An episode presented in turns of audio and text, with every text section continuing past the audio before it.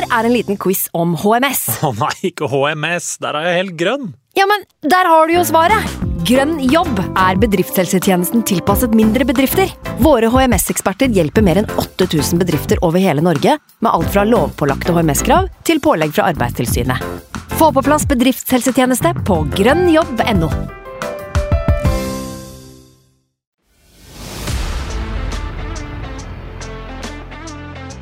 When I lose a duel, I'm upset. When I lose the small side game, I'm upset. Because that's the fucking standard. Martin Odegaard has hit it into the bottom corner. And Arsenal are dreaming.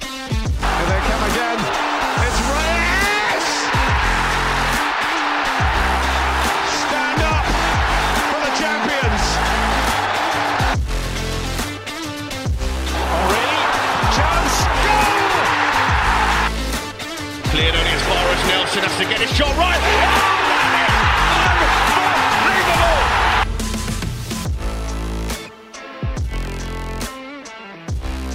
Dæven, det er deilig, det her. Deilig, det her. Deilig, det her. Dæven, det er deilig, det her. Velkommen til en ny episode av Arsenal Station. Måtte dessverre kjøre noen Bodø-Glimt-toner på tur inn, ettersom de òg har vunnet i dag. Eh, Da er en eh, nordnorsk gunner veldig fornøyd. Eh, I kveld har vi, som seg hører bør, eh, alle tre på plass. Det er Magnus Johansen, det er Sivert Skarstein Eriksen og det er meg, Andreas Larsen. Vi skal prate om eh, det som har skjedd i kveld, det som har skjedd for første gang siden eh, undertegnes første kamp på Emirates, faktisk. Det er åtte år siden nå. Eh, siden vi slo City i ligaen. For det er Arsenal 1, Manchester City 0 som står på tapetet. Eh, Magnus, du skal forvente litt i kjent stil, for du, du henger som regel litt etter oss når det gjelder kamp. Sivert, dine tanker og følelser rundt eh, kvelden i kveld? Nei, altså det er jo helt latterlig deilig. Det er så fortjent. Eh, Jeg bare tar meg selv i å tenke på hvor langt vi har kommet, da. Hvor langt vi har kommet som klubb. Altså, vi spiller mot City på Emirates i dag og har egentlig bedre kontroll på City i dag eh, på Emirates enn vi har hatt på Emirates på veldig lenge. Jeg syns vi, synes vi spiller en kamp hvor vi egentlig ikke uh, imponerer skikkelig mye uh, offensivt, i hvert fall. Uh, altså, noen vil kanskje si at vi spiller eh, gjennomsnittlig, og vi slår City, da. Altså, vi er et lag å regne med i toppen. Det er det vi har sittet og prata om da, i den poden her i flere år nå. At vi skal komme på et nivå som er, vi er å regne med hele tida. Det er vi nå. Vi slår City, og vi leder Premier League eh, på poeng eh, sammen med Tottenham. Og ja, onde tunger vil ha det til at vi ikke er i gang ennå. Faen og gøy, altså. Ja, Magnus, nå er jo du kommet i real time her, eh, så da skal du òg få lov å svare. Det, er- det er litt stygt å, å stikke deg sånn, for jeg vet at det gjør vondt, men eh, det gjør ikke noe når man kan tre inn i himmelen i, etter eh, noen timers forsinkelse i kveld. Jeg har det ikke vondt, Andreas. Jeg kommer jo da eh, rett fra match, egentlig. Kampen uh, i, min, i min verden er slutt for ti minutter siden. Fordi at nok en gang så krasjer Arsenal-kamp med noe som er kanskje viktigere i manges øyne. Altså et, et uh, bursdagslag med rundt tall. Det er jo bryllup, og det er runde tall, og det er fotballturnering for dattera mi, og det er noe hele forbanna tida som skal krasje med Arsenal-match. Til og med når vi spiller hjemme mot City. Uh, så jeg kjente at jeg var litt sånn fed up med livet. Uh, det her, det, med å holde med Arsenal, liksom. Hvis du hele tida skal sitte og, holde telefonen avskrudd i flymodus. Og så har jeg noen nevøer da, som er veldig fotballinteresserte, som er sånn 10-12 år. Og jeg gikk jo og holdt for det ene øret mitt når jeg gikk forbi der de satt. Eh, konsekvent.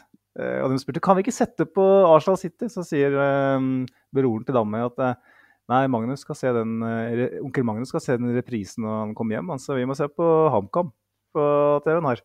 Og det var, ja, men det er dårlig gjort. Altså, at, eh, eh, nå er jeg her, sa jeg.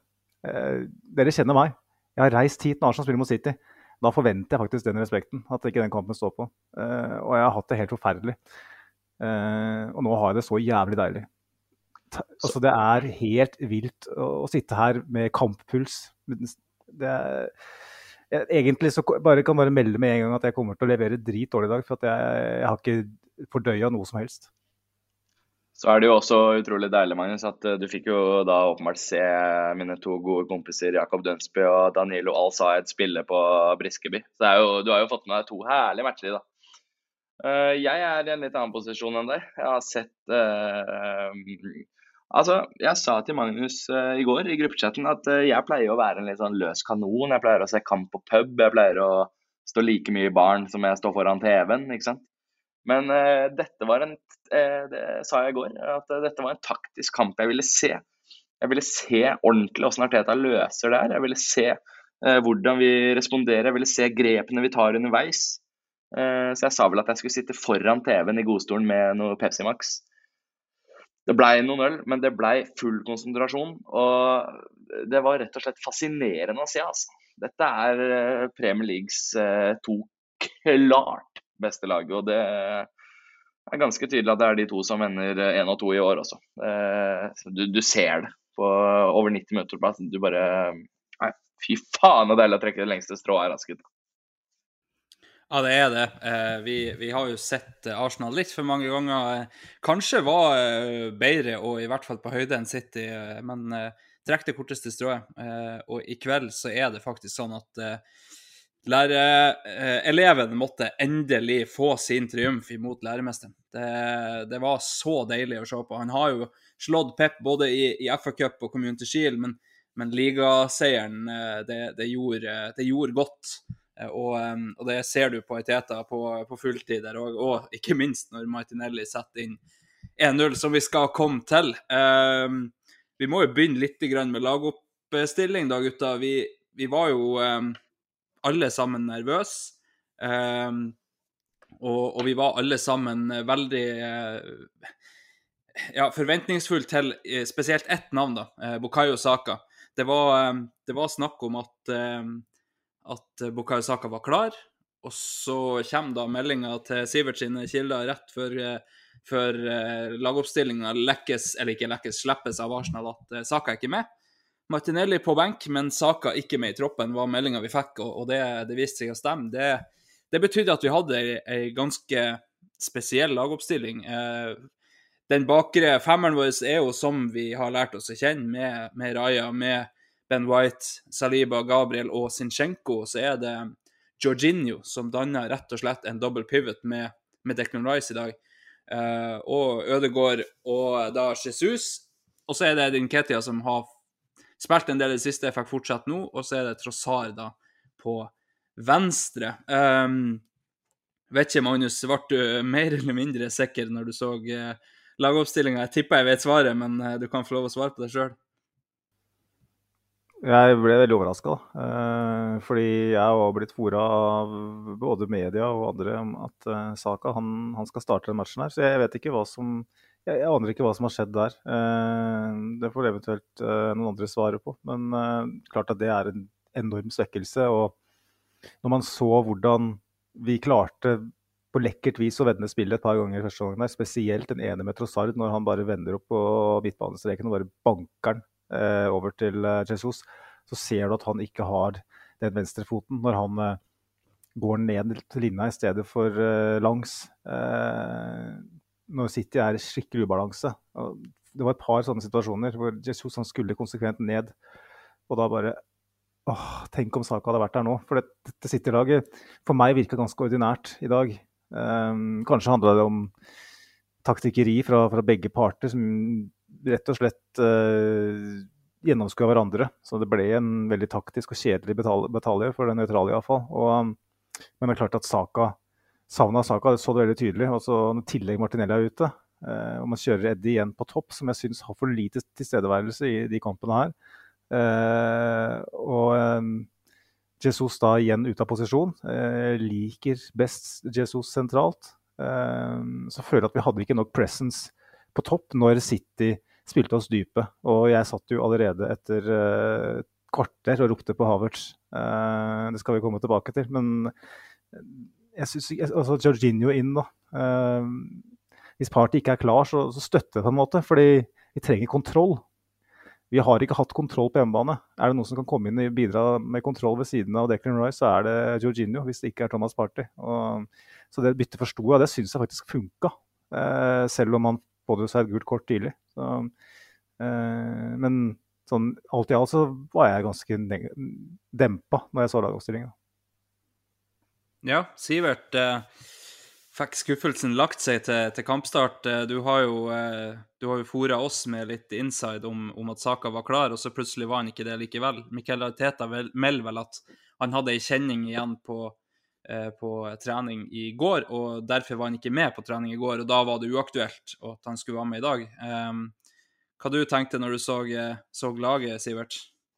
Nei, altså Jeg har jo Altså, jeg hører jo noise fra mange ulike kanter. Men jeg har én kilde som jeg stoler blindt på når det gjelder eh, fremtidig kamptidspunkt, som jeg aldri har meldt feil på når jeg har eh, ut på Twitter. Angående Declan Rice-sagaen i sommer, den er jo åpenbar. Al altså, jeg har aldri fått noen feilinformasjon der. Eh, så når da fredagskvelden uh, tikka inn, og jeg fikk melding av han Saka expected to start, Martinelli on the bench. Det er klart, jeg sluker jo det rått. Og så ser du at syv-åtte timer senere så kommer jo alle disse store Twitter-profilene. Han derre Ja, hva er det de nå heter? De der som alltid melder alt. Og, si, og, skriver det ordrett. Så det er åpenbart at de får de samme meldingene fra de samme fyrene. Eh, men poenget her er jo at det ble jo lekka bevisst, det her. Eh, Saka var jo Enten så var han expected to start, og det skjedde noe i går. Eller så er dette bevisst fra klubben. Uh, uansett hva det var, så ble jeg skikkelig sånn Lufta gikk utrolig ut av ballongen når uh, laget kom der. Og jeg så Eddie, jeg så Jorginho. Uh, men i etterpåklokskapens navn, da. Jesus Christ. Uh, ja, Eddie syns jeg falt gjennom, det kan vi snakke om senere. Men Jorginho Det var han jeg egentlig var mest reaksjonær på å se i Elveren. Eh, jeg syns han er for eh, arrogant ofte, litt, eller kall det gjerne litt nonsjalant. Jeg syns han er, går litt seint. Og når han pådrar seg gult etter ti minutter, så tenkte jeg 'here we go again'. Men fy faen, han spilte seg inn i kampen. ass. Noen ganger så må vi som følger med på fotball fra der vi følger med på fotball, klare å si at ta og ro deg ned litt og se den fotballkampen på nytt, så ser du at Jorginho har en strålende kamp. Så alt i alt så traff jo Arteta utrolig godt på lag, på bytter, på alt som vi skal komme tilbake på. Ehm, men eh, selvtilliten før kamp, den var ehm, Kan ikke si den var på topp, Andreas. Nei, um, så tar det ikke sånn kjempelang tid før vi, uh, før vi uh, på en måte får litt grann skremmer, da. City med en dødball. og og får en dobbeltsjanse ut av det. Det viser jo at det er det nærmeste de kommer i, i kampen, men akkurat da føltes det litt sånn Oh, here we go again. Eh, som du sier, Sivert, med at eh, Jorginho får et tidlig gult kort, og så eh, Det er vel bare etter ti minutter, faktisk. Og da, da satt jeg i sofaen her i hvert fall. Å, det er tidlig. Å, det er så tidlig at en av våre double pivots skal få gult. Men, eh, men han berga seg fint gjennom. Um, jeg vet vi fikk et innspill på det, og det er rett og slett sånn nå at uh, det er såpass mange at jeg finner det ikke igjen. Uh, så jeg må bare beklage det, men, men innspillet lød i hvert fall sånn, sånn cirka hvor genialt var det å, å starte med Jorginho. Uh, at uh, han har en veldig god kamp, og at City ikke skaper noen ting. Um, og, og, der syns jeg jo at, at vi, vi, nesten må starte litt, grann, for, for Jorginho har jo kosta oss For ikke så altfor lenge siden så, så kosta han oss jo um, en, en, seier, og, og um, da tenker vi at oi, han inn i imot City. Eh, men eh, han gjør eh, sakene sine bra utpå der. Er vel en av få som ikke gir bort ballen, i hvert fall så jeg husker. Og, og, eller en av få, det blir jo også feil å si, men, men hvis vi ser midtbanetrioen vår, da, Declan Rice gir bort en par ganger, og, og Ødegaard blir pakka inn et par ganger, som gjør at vi mister ball, så jeg syns Georgino gjør, gjør, ting veldig bra i dag. Og, og um, absolutt en kandidat til, til, man of the match, hvis en skal tenke sånn på det. Martinelli får vel sikkert den offisielle pga. skåringa, men, eh, men, det er flere som menser på, Declan Rice og, og Saliba ikke minst. Eh, så, så, alt i alt, som du sier, Sivert, så traff Aiteta veldig bra på, på laguttaket, og traff ekstremt godt um, på, uh, på um, byttene sine etter hvert. Så det er òg vanvittig gøy.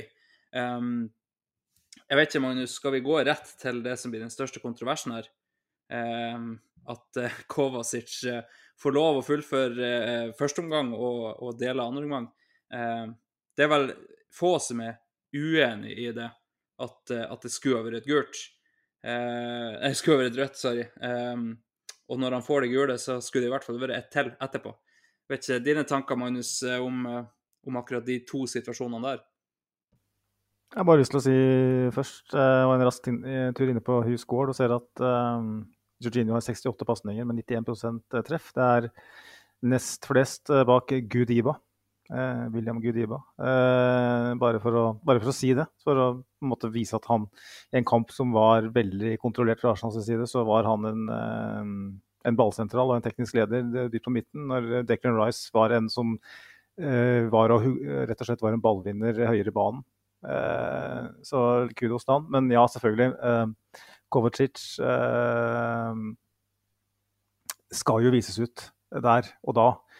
Og når på en måte man ser at VAR sitter og ser på, man får reprisene, eh, ruller over skjermen, og da tenker du at eh, Forstår godt at Michael Oliver eh, gir gult eh, i real time.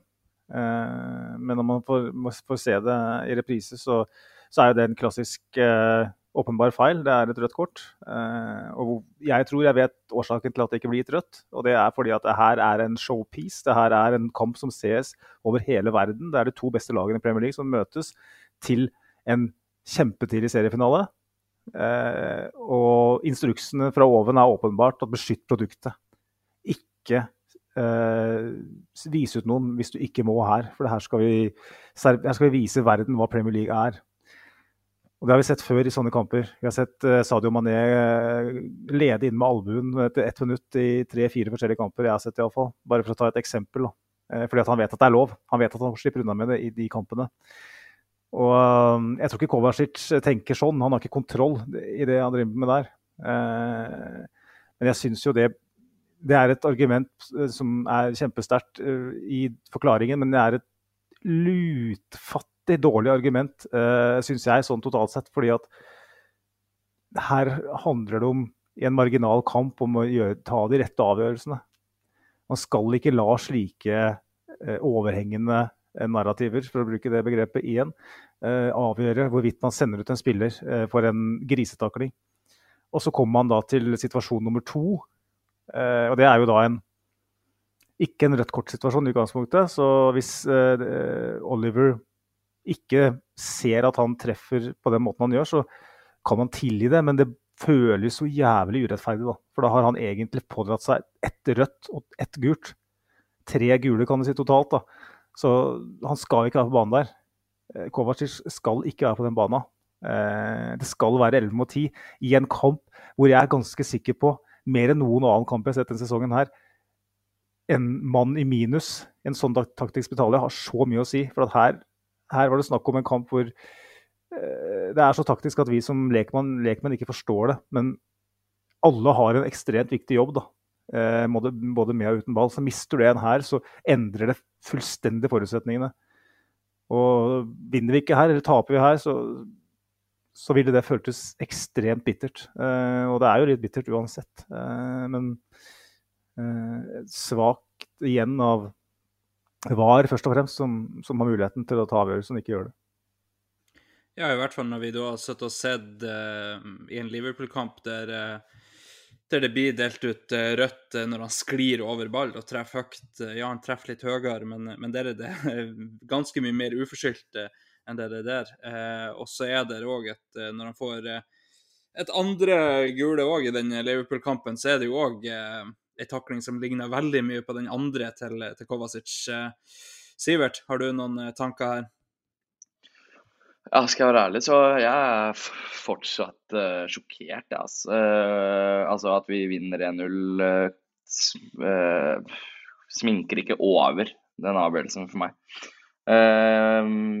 jeg satt jo, ja, som sagt, jeg så kamp hjemme i dag. Jeg var på date. jeg hadde kjøpt kinamat. Smil. Pepsi Max. Satt og så på kamp, koste meg. Uh, og så kommer den uh, taklingen, da. Uh, altså den første. Uh, Syns jo det er klink rødt, selvfølgelig. Men jeg mista det på en måte ikke helt der, for jeg tenkte ja, det ble gitt gult på banen, og det skal litt til. å, ta over det. Og Jones-situasjonen, som du nevner, er ganske mye høyere på beinet. og ja, Jeg bare så en situasjon altså, Som Magnus også er inne på, beskytte produktet, gi det gult. Det kan, det kan forsvares, det er greit. Jeg satt og godtok det, på en måte. Og så går det et halvannet minutt, da. Så kommer en takling som Ja, greit, det er ikke rødt, da, som du sier, Andreas, men fytti grisen, den er stygg, altså.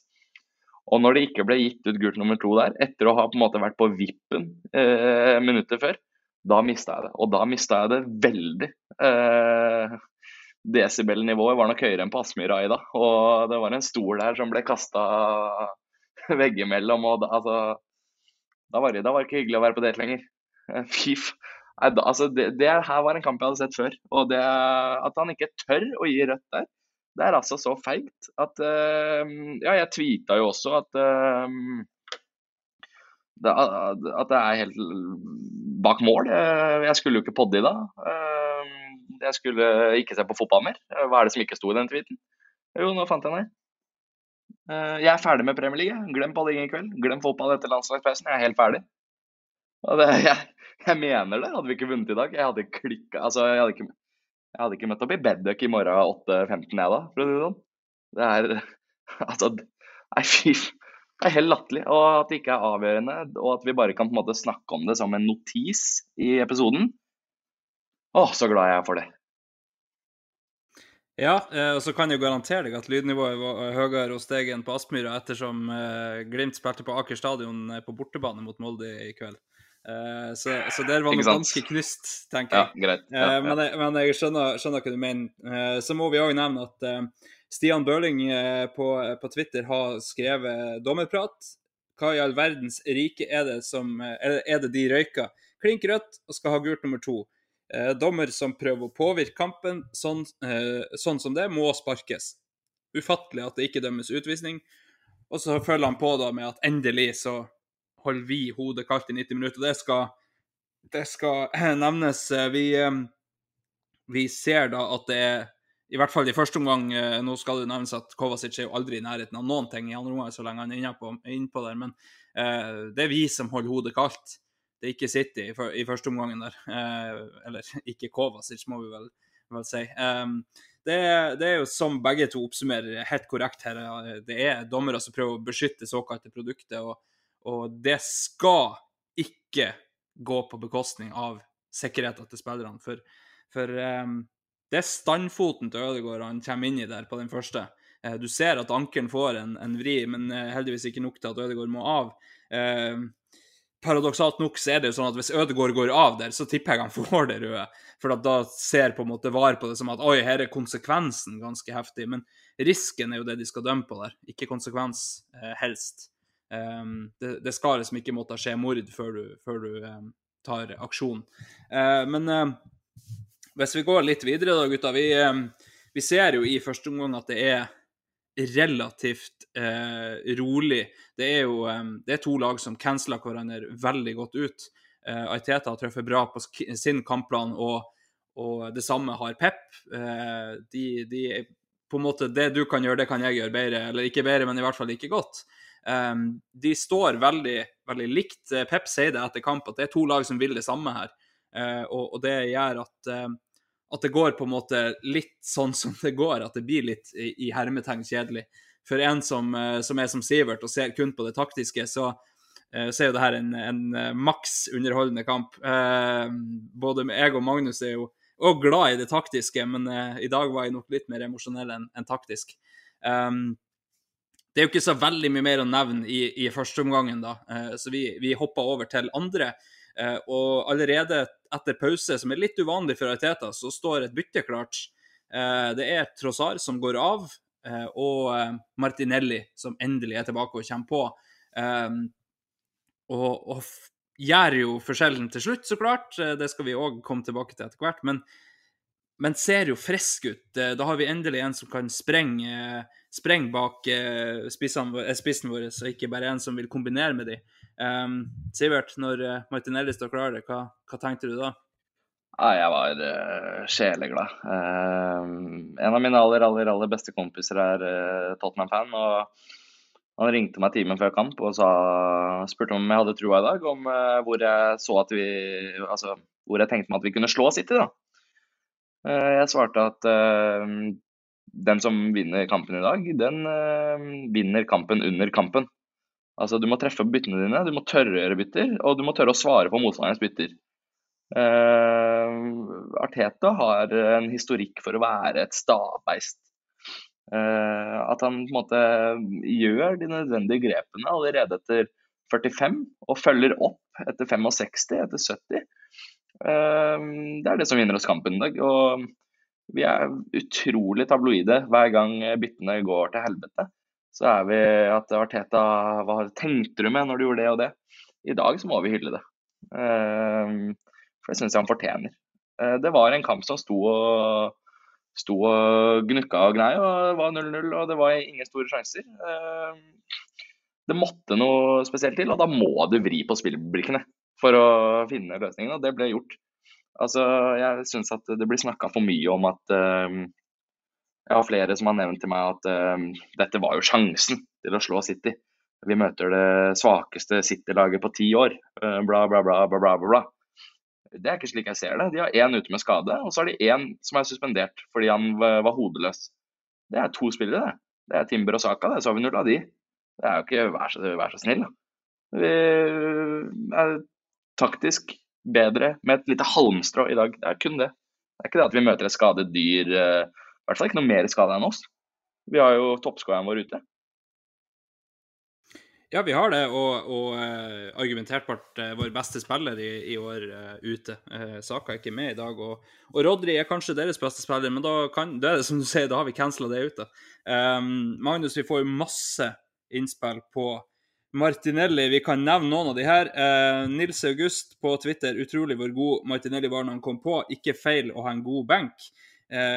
Og så eh, Vi må ikke glemme bort den utrolige giffen, skriver han under. Det er jo da så klart når Martinelli kommer på treningsfeltet og, og hilser på 'win the dog' igjen, eh, etter å ha hatt litt eh, landslagspause. Eh, Suggi på AFC Suggi på Twitter melder, eller spør om Martinelli er den beste venstrevingen i Premier League. Og så må vi ta med eh, Tor Arne Vassåsen, som sier Martinelli også, for en spiller. Kommer inn i andre omgang og er helt rå om Saka, Martinelli og Party er 100% etter landslagspausen, skal det bli vanskelig å slå oss fremover. Og så avslutter han da med 'det lukter fugl' her. Eh, Magnus, dine tanker om eh, vår eh, brasilianske lynving? Det jo, dette her er jo på en måte arenaen for Martinelli nå.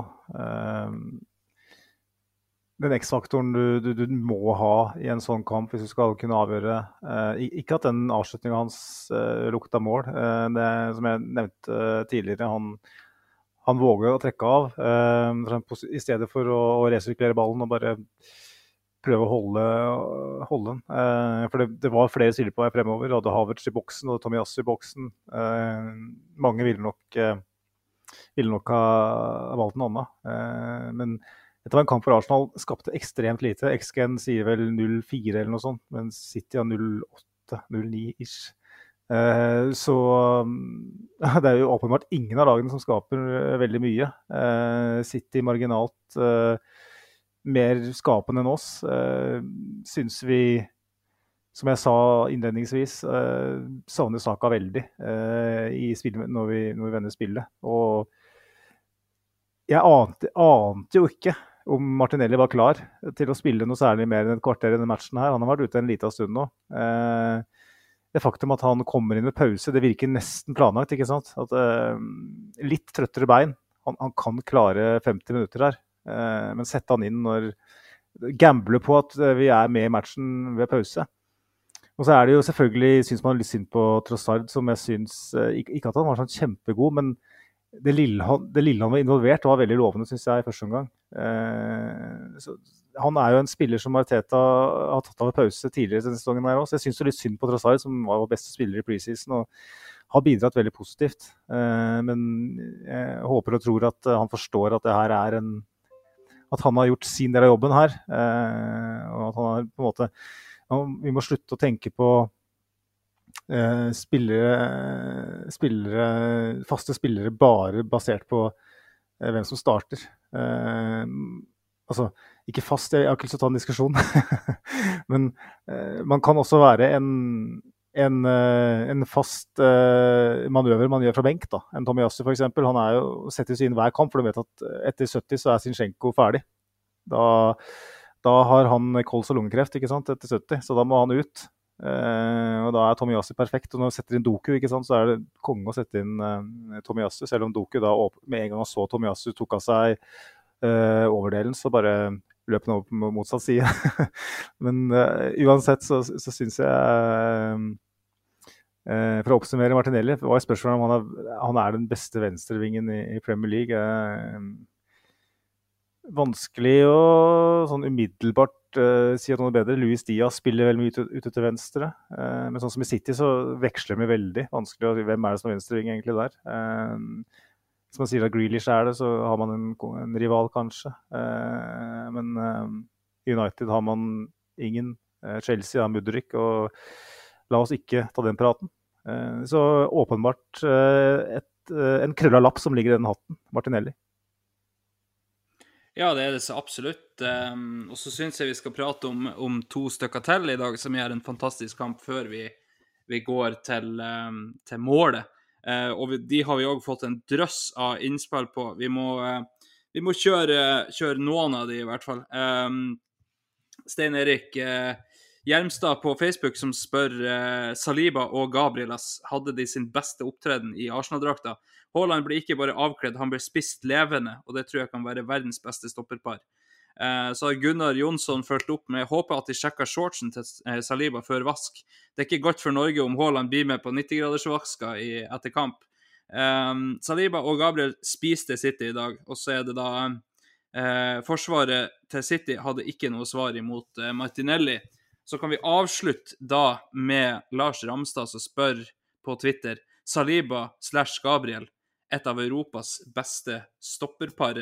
Vi vet jo at, eh, at, Magnus er veldig glad i Saliba, så derfor skal Sivert få lov å svare på det først. Sivert, eh, ser du noen stopperpar som kan eh, måle seg med vår, Nei, og dette er ikke for å ta de som stilte spørsmålet, for det er et legitimt spørsmål. Men jeg syns jeg ser den type formuleringer litt for ofte. Her har vi prestert på topp, topp, topp europeisk nivå i halvannet år. Og så føler jeg mange er sånn Ja, er virkelig våre spillere i europatoppen? Eh, kan Saliba og Gabriel virkelig hevde seg med de sju-åtte beste midtstopperpara i verden, liksom? Det er klart de kan det. De, det er, altså, Saliba hadde jeg kanskje ikke bytta ut med noen. Eh, jeg så at uh, hans 38 kamper hadde han høyere poengsnitt. Og bedre stats enn van Dijk sine første 38 kamper i Liverpool. Så trans transformasjonen han har gjort med Arsenal, er ganske sammenlignbar. Og han er jo, han er jo latterlig bra. Uh, det så jo ikke ut til at han hadde noe å gjøre i dag omtrent, for han bare skubba unna det som kom med en gang. Uh, Gabriel syns jeg også har gått opp et knepp i denne sesongen. Egentlig over hele sesongen. Tidligere har han vært litt hot-headed, litt uh, skal være overalt på en gang, dekke veldig store rom. Jeg syns han har fått en mer definert uh, rolle. Enten så har det noe med systemet å gjøre, etter Rice kom inn, eller så er det at han har vokst opp litt. Antageligvis en kombinasjon. For å svare på spørsmålet, så um, er det en av uh, verdens aller, aller, aller beste stoppepar. Jeg syns at når City får inn Stones, som jeg personlig syns er verdens beste stopper, Uh, som har blitt brukt litt høyere opp i banen i det siste, riktignok. Så er det veldig vanskelig å. Det, det blir tabloid å sammenligne. Poenget er at du har uh, tre-fire andre lag i Europa som også slipper til ekstremt lite. Men uh, jeg syns vi har starta ekstremt godt. Og altså, du må liksom hovere og legge merke til det og erkjenne at det skjer, da. altså, Saliba har jo ikke plassert en fot feil siden aldri. Uh, jo, det har han jo. Men uh, nei, jo. For å svare på spørsmålet, ja, vi har det. Vi har, uh, og den eldste av de er født i 98. Det er vel latterlig. det er bare å glede seg. Fy faen digg. Ja, det er rett og slett herlig å, å se de toen i lag fra Arsenal. Med Saliba i laget så har vi 77% seiersrekke. Det har jo jeg sendt, eller seiersprosenter som jeg har sendt til dere i i vår chat-gruppe. Og eh, det utgjør da i en 38-kampers eh, sesong eh, 86,1 eller annet poeng. Eh, som vil si med noen uavgjorte i tillegg. Da. Nå er jo det her veldig teoretisk, men med noen uavgjorte i tillegg så er vi jo faktisk over eh, 90 poeng og, oppe i titteldiskusjon. Eh, før vi slipper til Magnus her, så har Sivert tydeligvis enda mer han ville ha sagt om det her. Ja, nei, altså det er bare for å spille videre på det Magnus sa i stad om Jorginho sine pasninger, at han var rett bak Saliba. Det er en mann som treffer på 97% av pasningene mot City. altså 97% Og så hvis du ser den kampen på nytt også, hvor ofte Raja slår kort, eh, og hvor ofte Rice slår tilbake i støtte, og eh, altså hvor mange trekanter vi setter opp dypt, dypt i banen hvor som han er involvert. Altså i pressa situasjoner hvor, du, hvor det bare er fem-seks midtstoppere i verden som klarer å spille seg ut, så treffer han på 97 da. Så den kan Magnus eh, kan spille Magnus den før han svarer. Ja, Magnus, eh, din gud. Nå skal du eh, få lov å få fri utfordrelser her om, om William Saliba. Min nye gud, ja. Jeg sitter med Berkan 10 på ryggen her på skjorta mi. Men Saliba det er nesten litt uh, overflødig, på en måte. Altså, vi har sagt, har sagt det før. Uh, det her er forventa. Han har uh, Saliba henger på det tørkestativet mange ganger før. han har kjørt i sentrifugene med, med, i Salibas maskin veldig mange ganger. Så det, det, det, det er ikke noe overraskende i det hele tatt. Jeg er veldig lite sjokkert. Saliba er um, om han ikke har verdens beste stopper, så er han beste, verdens beste stopper under 23. Det tror jeg det er ganske liten tvil om. Eh, og han, han, gjør oss åpenbart veldig, veldig mye bedre. Eh, og det, det, er, det, er, en øvre, og det er, en, det er, det er et snitt der som, som, det er vanskelig å, å nesten sette ord på, for det er, så ekstremt. Eh, jeg har nesten lyst, mer lyst til å snakke om Gabriel, for jeg syns det er litt mer eh, nytt da, kan du si, i en storkamp. Jeg syns Gabriel, til og med i fjor når vi var så gode, så syns jeg han ofte falt litt igjennom i de aller viktigste og største kampene husker mot City hjemme i fjor, når, når igjen eh, Haaland eh, hadde både manken og hele overkroppen inni vaskemaskinen til Saliba. Så trakk han seg ut i rett tidspunkt. Eh, ref eh, mange av oss, som gjør at ikke Tore Strømme er på besøk eh, sør og nord. Eh, da gikk han over til Gabriel, og, fikk, og da fikk Gabriel kjørt seg noe jævlig. og gjorde vel en feil der, annet som føltes et mål, hvis jeg ikke husker helt feil. Husker hjemme mot Tottenham når han lager et straffespark. Altså det, er, det, er, flere eksempler. da. Jeg, jeg synes, I de aller største kampene mot de aller beste spillerne så syns jeg Gabriel har blitt, vært litt for het. Men i dag så var han bare helt enorm. Husker du den der brassesparkklareringa hans i første omgang? Eh, tenk å være så orientert. Altså, han vet hvor han, hvor han vet, altså Det er adresse på brassesparket der. Jeg syns Gabriel eh, gjør sin beste storkamp for Arsenal. Og så er spørsmålet eh, er vi så dyktige taktisk og er City såpass bleke at vi han ikke blir testa eh, på det nivået vi forventer? Jeg vet ikke. Haaland gikk jo faktisk over eh, til høyre de siste minuttene. Citys høyreside. Uten at Raja bare banka han opp til Havertz eller Jesus. Jeg satt og skrek 'ikke slå han langt nå'. Vær så snill, for da får vi den bare tilbake. Eh, men eh, da, da, da, plutselig så satt jo distribusjonen til Raja da, etter en i mine øyne svak match. Eh, og da, da, hadde vi et nytt taktisk element som, som gjorde at stopperne våre slapp å, å duellere med Haaland på den måten vi så i fjor. Da. Men jeg syns Gabriel han får min, han får min blomsterkvast i, i, dag også, for jeg syns at Saliba det er som forventa. Eh, Gabriel et knep opp, og det, det, er så gledelig. For da, hvis han nærmer seg Saliba, da Hvem er bedre i Europa da? På den alderen spesielt. Det skal du lete med lupe, altså. Altså, dette er jo egentlig litt interessant. Jeg har bare lyst til å kaste inn den, ikke at jeg skal styre noen ord her. Men jeg syns at vi har eh, et stoppepar. Jeg syns vi har ja, har fem, seks, syv spillere som kunne gjort seg fortjent til eh, man of the match i dag. Så jeg ble bare nysgjerrig på den uh, ruten du begynte å ta nå, Magnus. Hvem syns du var best? Altså, hvem er det du hadde gitt den uh, gule uh, sokkelen til? Det er Saliba. Men det er liksom Det er litt sånn som når du spiller barnefotball, liksom. Altså, han som har vært man of the match, eller boy of the match i de siste ti matchene, liksom. er fortsatt er kjempegod. Uh, så er det viktig at treneren eller eh, støtteapparatet da berømmer den mye viktigere at den berømmer den da som på en måte overrasker litt og viser at eh, vet du hva, han her tar et steg i dag. Det er det, er det viktigste i fotball. Da. hvis man er så god som Saliba er, så På alle nivåer så er Selvfølgelig skal man forvalte det, men jeg syns det er mer, mye mer interessant med Gabriel sin prestasjon. Da. Men man of the match syns jeg er eh, Saliba. og det, Kanskje har jeg briller, men jeg bare syns han er Han tråkker en fot feil, liksom. og Han, han kler av Haaland. Eh, altså, ikke ved at han, han, han trenger ikke å gå i duell med ham, liksom, for han, han står riktig hele veien. Han tar ut de meterne hver eneste gang. Eh, og det, det, ser et par situasjoner som så litt på hekta ut, liksom. Men han har jo kontroll. Han vet hva han gjør hele tida. Den konsentrasjonsevnen han har, eh, er bare helt ekstremt, altså. Så man begynner jo igjen å tenke tilbake til fjoråret. Eh, hva hvis han hadde holdt seg fit hele sesongen? ikke sant? Selv om jeg på en måte har vært veldig klar på at jeg, jeg, jeg tror vi hadde tapt tittelen med Saliba òg. For jeg, jeg syns vi så på en måte sykdomstegnene med Saliba i laget på våren. Men hadde gitt oss en åpenbart mye, mye større sjanse. Jeg er enig. Ehm, så skal det også være mulig å kaste navnet til Declan Rice inn i miksen her. Jeg syns han leverer nok en helt sinnssyk kamp. Men ehm, jo, på Saliba så er jo han eh, trukket ut av landslagssamlingen til Frankrike nå. Spilte tydeligvis kampen med en eh, tå som eh, var problemet. Så både ehm, Saliba, Martinelli og Saka skal ikke spille landslagskamper. Og det er offisielle ting. Det kommer ikke fra meg. Ja, det er deilig. Det er fantastisk. Det er nesten litt sånn eh, Ferguson-takter over den, altså. Eh, det, det, er jo litt nytt kanskje at han spiller 90 minutter i kampen før og gjør det så jævla bra. Og så Nei, du, forresten, han spilte faktisk med ei ond tå i dag, så eh, han kan dessverre ikke møte opp på, på landslagssamling. Det, det er fantastisk.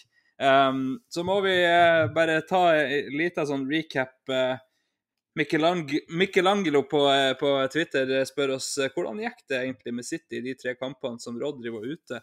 De vant i midtuka i Champions League, for der var Rodri ikke suspendert. Ellers så har de altså tre tap. Det er så enkelt. Ett i ligacupen og, og to i Premier League. Wolverhampton, Newcastle i ligacupen og nå Arsenal.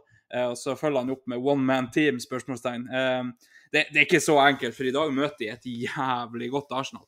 Eh, er, Arsenal er veldig, veldig god i dag, spesielt defensivt. og, og det, det, har nok noe av, av grunn i det, men de møter et ikke så fantastisk Wolverhampton, selv om Wolverhampton var jævlig effektiv forrige uke. så det er nok noe i det at når du mister den beste spilleren din sjøl når du heter Manchester City, så har det faktisk en ganske stor effekt. Um, nå er vi da kommet så langt, gutta, at uh, endelig fikk vi de byttene som uh, regna med de fleste av oss uh, satt og venta på. Um, jeg satt og sa det til, til min bedre halvdel her når, når guttene kom ut etter pause. Tommy Assu, Havertz og Party har drakta rundt halsen. Jeg tipper de skal rett i oppvarmingen, så får vi se det litt på sidelinja at de tre er i oppvarming hele andre omgang. Eh, så står de og gjør seg klar, og så tar det ganske lang tid før de får komme inn. Det er jo etter at City har gjort sine tre første. Og eh, Ødegaard får ei avslutning, som jeg sa til, til deg før eh, innspillinga, eller begge to for så vidt, at det er jo nesten så han gjør det bare for å få bytta, for den avslutninga der er så håpløs at, at det, var, det var rett og slett bare merkelig. Og så får vi gjort byttene, da. Eh, Tomiyasu kommer inn for Zinchenko. Zinchenko skal bare spille 70 minutter, det vet vi. Veldig greit bytte, som du ser, Magnus, når Doku er kommet innpå. Og, og som du òg er inne på, Doku ble livredd med en gang han så Tomiyasu på sidelinja. Så han, han, sprang så langt unna han kunne komme han på, på banen. Um, og så er det da eh, Kai Havertz inn for eh, Nketia, og så er det Thomas Party inn for Jorginho. Eh, tre veldig, veldig gode bytter, tre veldig, veldig viktige bytter når vi ser hvordan målet kommer. Eh, jeg følte meg i hvert fall rimelig sikker eh, på, på at eh, vi blir bedre med de tre byttene her enn, enn jeg har gjort på ganske lenge når vi har stått klar med, med i hvert fall med tre bytter samtidig. Um, vet ikke, Sivert, hvordan tenkte du det når, når Tommy Assu, Kai Havertz og Party kom inn der? Jeg er enig. Um, for å tale Kai Havertz sin sak aller først, da, så syns jeg de gangene vi har sett han uh, spille høyere i banen, og så syns jeg han har levert mye bedre. Uh, Community Chill mot City var kjempefrispust. Da satt alle og tenkte at uh, nå har Mikkel Arteta gjort det igjen. For han spiller høyre i banen. Han blir et oppspillspunkt for Raja. Han blir et uromoment for midtstoppere som Eddie ikke makta å være. så jeg syns det var kjempepositivt. Eh, vi skrev det jo også på podkastbrukeren vår før kamp. at altså på Arsenal på Twitter, for de som ikke følger dem, at det var en latterlig sterk benk. Det skal være mulig å bytte seg opp ut ifra åssen kampen forløp. Og jeg syns at f.eks. når du setter på Doku, da, som altså er så rask at det er helt latterlig, så svarer du med å sette på Tomiyasu, og så bytter han side, og så er White uh, like bra på han, liksom. Det er uh, altså, det, altså det Arteta gjør her, er, å tilpasse seg kampforløpet, da. Det er det vi har savna så mye. Doku inn, okay, Tomiyasu inn. Uh, lugge litt på topp. Enkelte så jo egentlig helt ferdig ut hele tiden. Synes jeg syns han leverte direkte svakt. Ja, da skal Havertz inn og spille nier, da. tulle, altså ha litt fysisk presence. Fungerte kjempegodt. Altså ja, Jeg syns den aller største blomsterkvasten siden holdt jeg på å si Simen, jeg savner Simen, Magnus sin gikk til Saliba. Så skal min gå til Arteta, for de byttene der var uh, 2010, altså. Ja, Magnus, du satt òg og venta på de her byttene, og, og, sa jo før innspilling her at at det var, det var, akkurat de byttene vi, vi satt og ropa på egentlig nesten hele kampen. Hva tenkte du når, når de tre guttene gjorde seg klare der? Jeg tenkte jo at jeg kunne vært trener for Arsenal. fordi at eh, De byttene ropte jeg på, spesielt Havertz. Det var veldig åpenbart for meg tidlig i matchen at eh, her kan vi virkelig bruke styrkene til, til Kai Havertz. Um, og som sagt eh, tidligere Uh, Pust og pes. Sinchenko måtte ut, uh, og Tomiyasu inn. og Doku kommer inn, åpenbart. Uh, Martinelli har vi nevnt, og så var det vel Thomas Party da, som slår den, den ballen. Og jeg deler tankene til Det er vel Svein Skari som har skrevet til oss, antar jeg, på Dial Norge sin konto at Uh, du ser tydelig at vi savner uh, Party. Rice er bra som uh, anker, men Partys posisjonering og pasninger er et enormt steg over Rice for øyeblikket.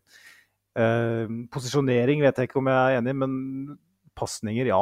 De der Nå var jo det en litt annerledes Party-pasning, men de pasningene inn i høyrekanalene med som skrur inn på foten til, til Saka, det har vi savna noe helt ekstremt denne sesongen her helt ekstremt. Høyresida vår snakkes bare om dynamikken Ødegaard-White-saka.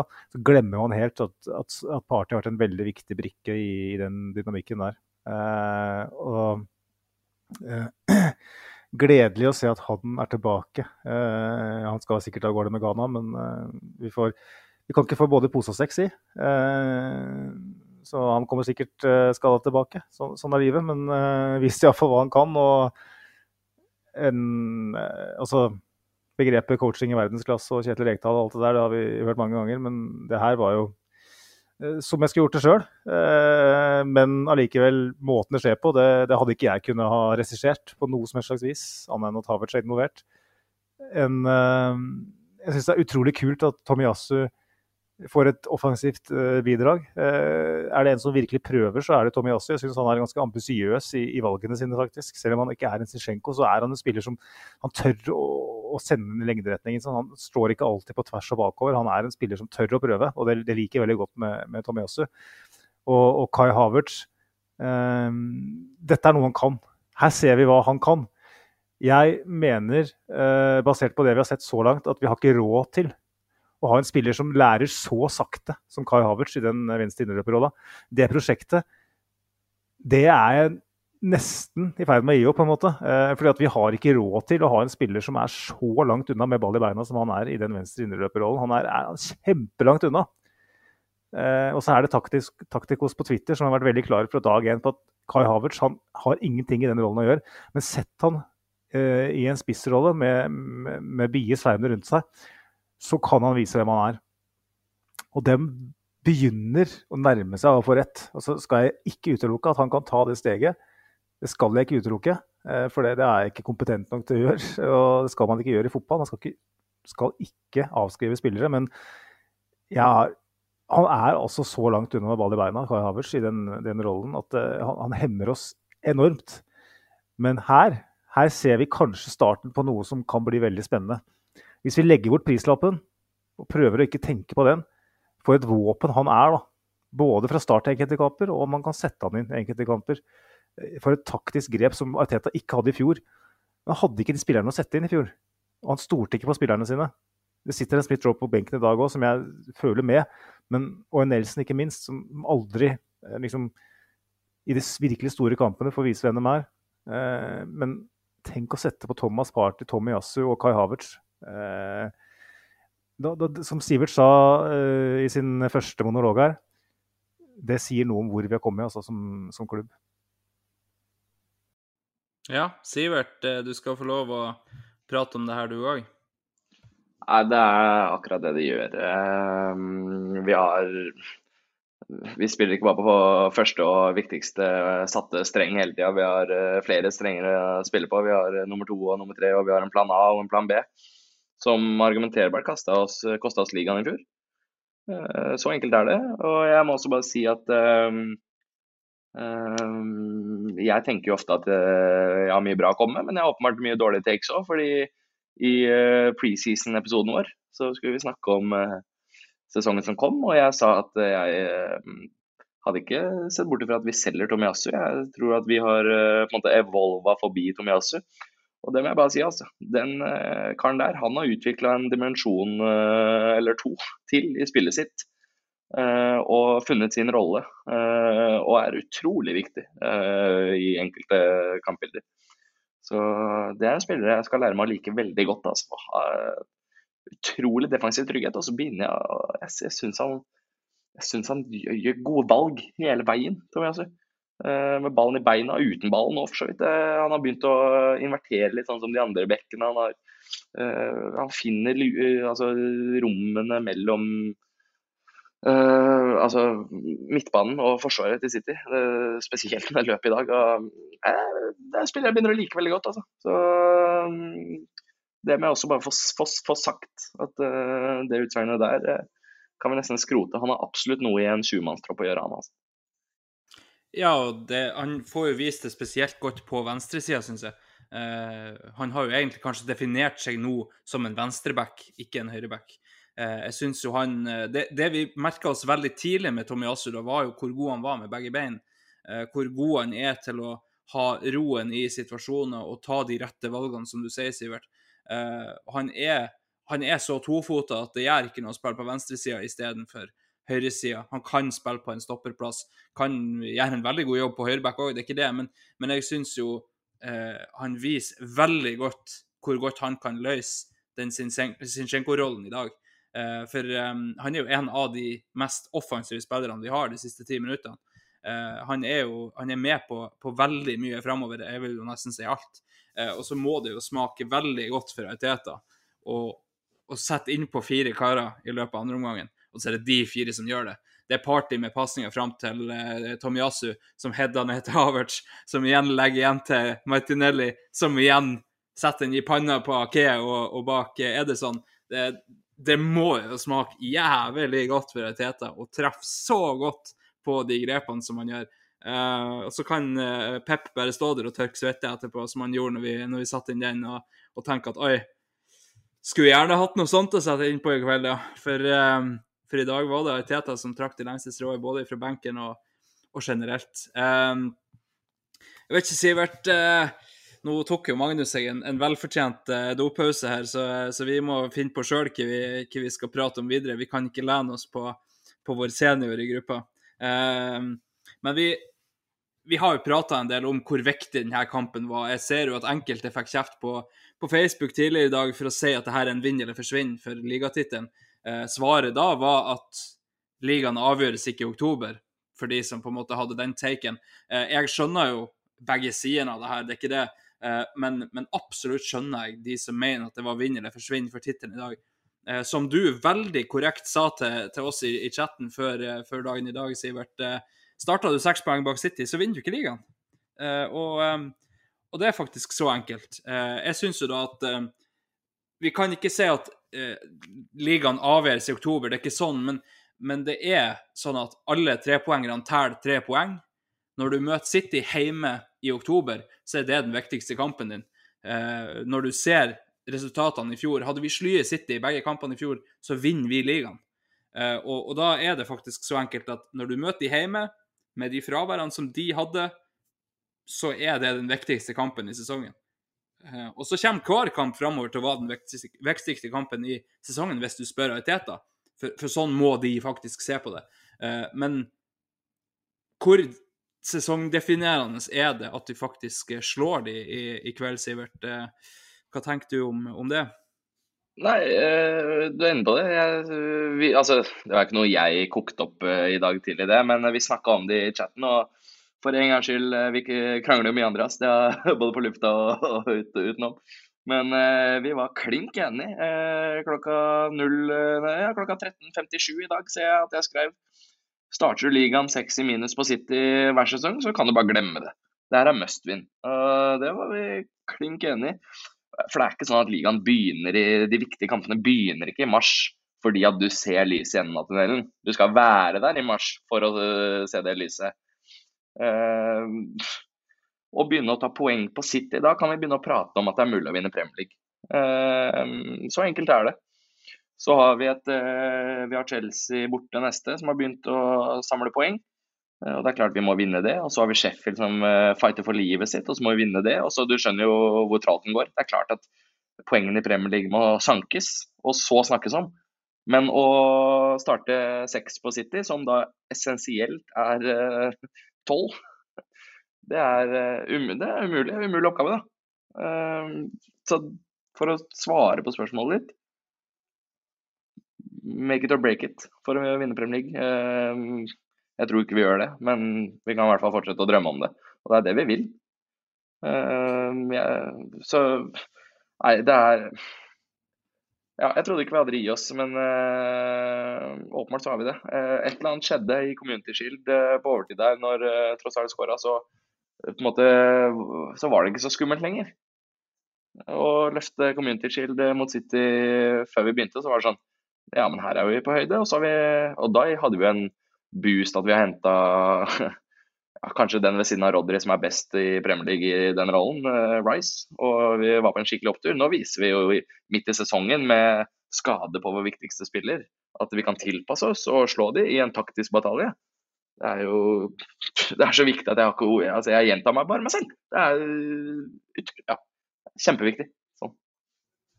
Ja, og, og Pål André Helland i, i Viaplay-studio er jo inne på det at eh, vi satt og prata om at det var en, en barriere når, når, Arsenal slår City i Community Shield, og så er det to på en måte sånne eh, formildende omstendigheter for City. da. Du må ta med i den kampen. For det første så er det Community Shield.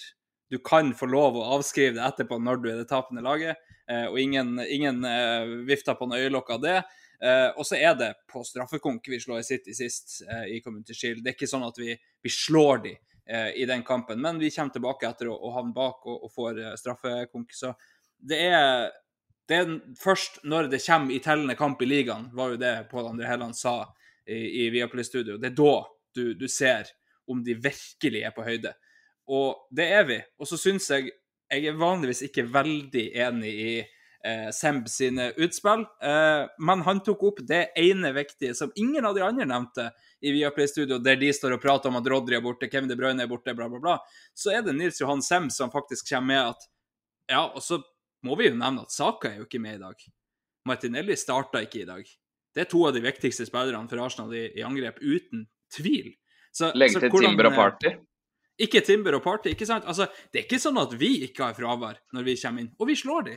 Så enkelt er det bare. Så eh, jeg vet ikke, Magnus. Eh, skal vi, skal vi melde oss som evige Nils Johan Sem-fans, eller eh, kan vi få lov å være litt uenige til tider, sjøl om han kommer med et meget godt poeng her? Jeg syns Nils Johan får litt for mye pes av og til. Jeg er enig i at det blir litt for mye verdensklasse og outstanding og alt det greiene der. Men dette er jo en som har vært landslagssjef for Norge har jobba under Drillo, så han har jo åpenbart kompetanse. Eh, mye mer enn det vi har. Så eh, jeg syns vi skal være litt grann, Noen må være litt mer ydmyke, og det gjelder på en måte omtale om alle som kommenterer fotball. Jeg synes, Prøv å sette deg sjøl i den situasjonen, i den boksen. Eh, hvor hvert eneste ord du ytrer, eh, hvor du ikke har mulighet til å fordøye noe som helst, der skjer der og da. Det er så vanskelig, og jeg har lyst til å ta alle kommentatorer i forsvar sånn sett. Eh, men eh, jeg må jo bare si at vi har spilt er det åtte kamper. Eh, dere er inne på det der med, med City og psykologi og alt sånt. Åpenbart viktig, men vi er jo ikke gode offensivt i dag. Selv om vi ved en del tilfeller ruller opp. Eh, vi nevnte Ødegaard, som jeg syns har blitt for kåt på å trekke av. Han skyter for ofte. Nesten sånn uh, Granit Xhaka etter 97 mot Frankfurt eller hvor det var, med Wenger. hvor liksom hadde lyst til å sette opp på flyet. Det var nesten sånn at jeg løp til Gardermoen. Barbeint, liksom. For jeg satt og så kampen i boksen. Liksom. Nå skal jeg løpe etter Gardermoen og ta flyet for å klikke på Sjaka og Wenger. For at vi har muligheten til å Det var ikke, det var ikke i Frankfurt, men det var en Champions League-match. Og han bare brenner den 15 meter over, liksom, fra 40 meter. Sånn, Hva er det du gjør? Eh, og jeg syns Ødegaard eh, er altfor lite kreatør om dagen og altfor mye skuddvillig. skuddvilje. Jeg syns det er bra at han har lagt til den dimensjonen i spillet sitt, men nå begynner han å bli forutsigbar. Han skyter for ofte. Hver gang han, får ballen utafor eh, 16, så, så, skal han lete etter vinkelen for å skyte.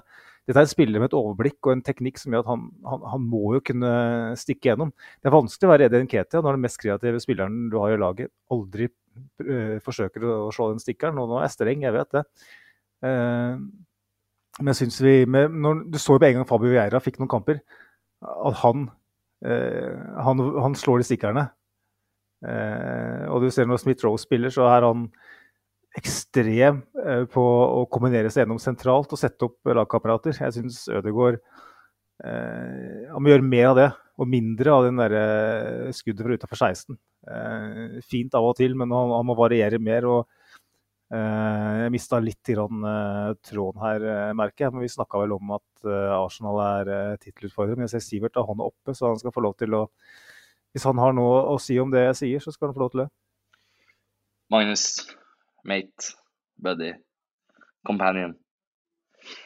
Jeg, jeg skjønner hvor du kommer fra med, med, denne strenge Du er jo snart 40 år. Det er greit. Du skal komme med å si at vi ikke skaper så mye og sånn. Men hør her.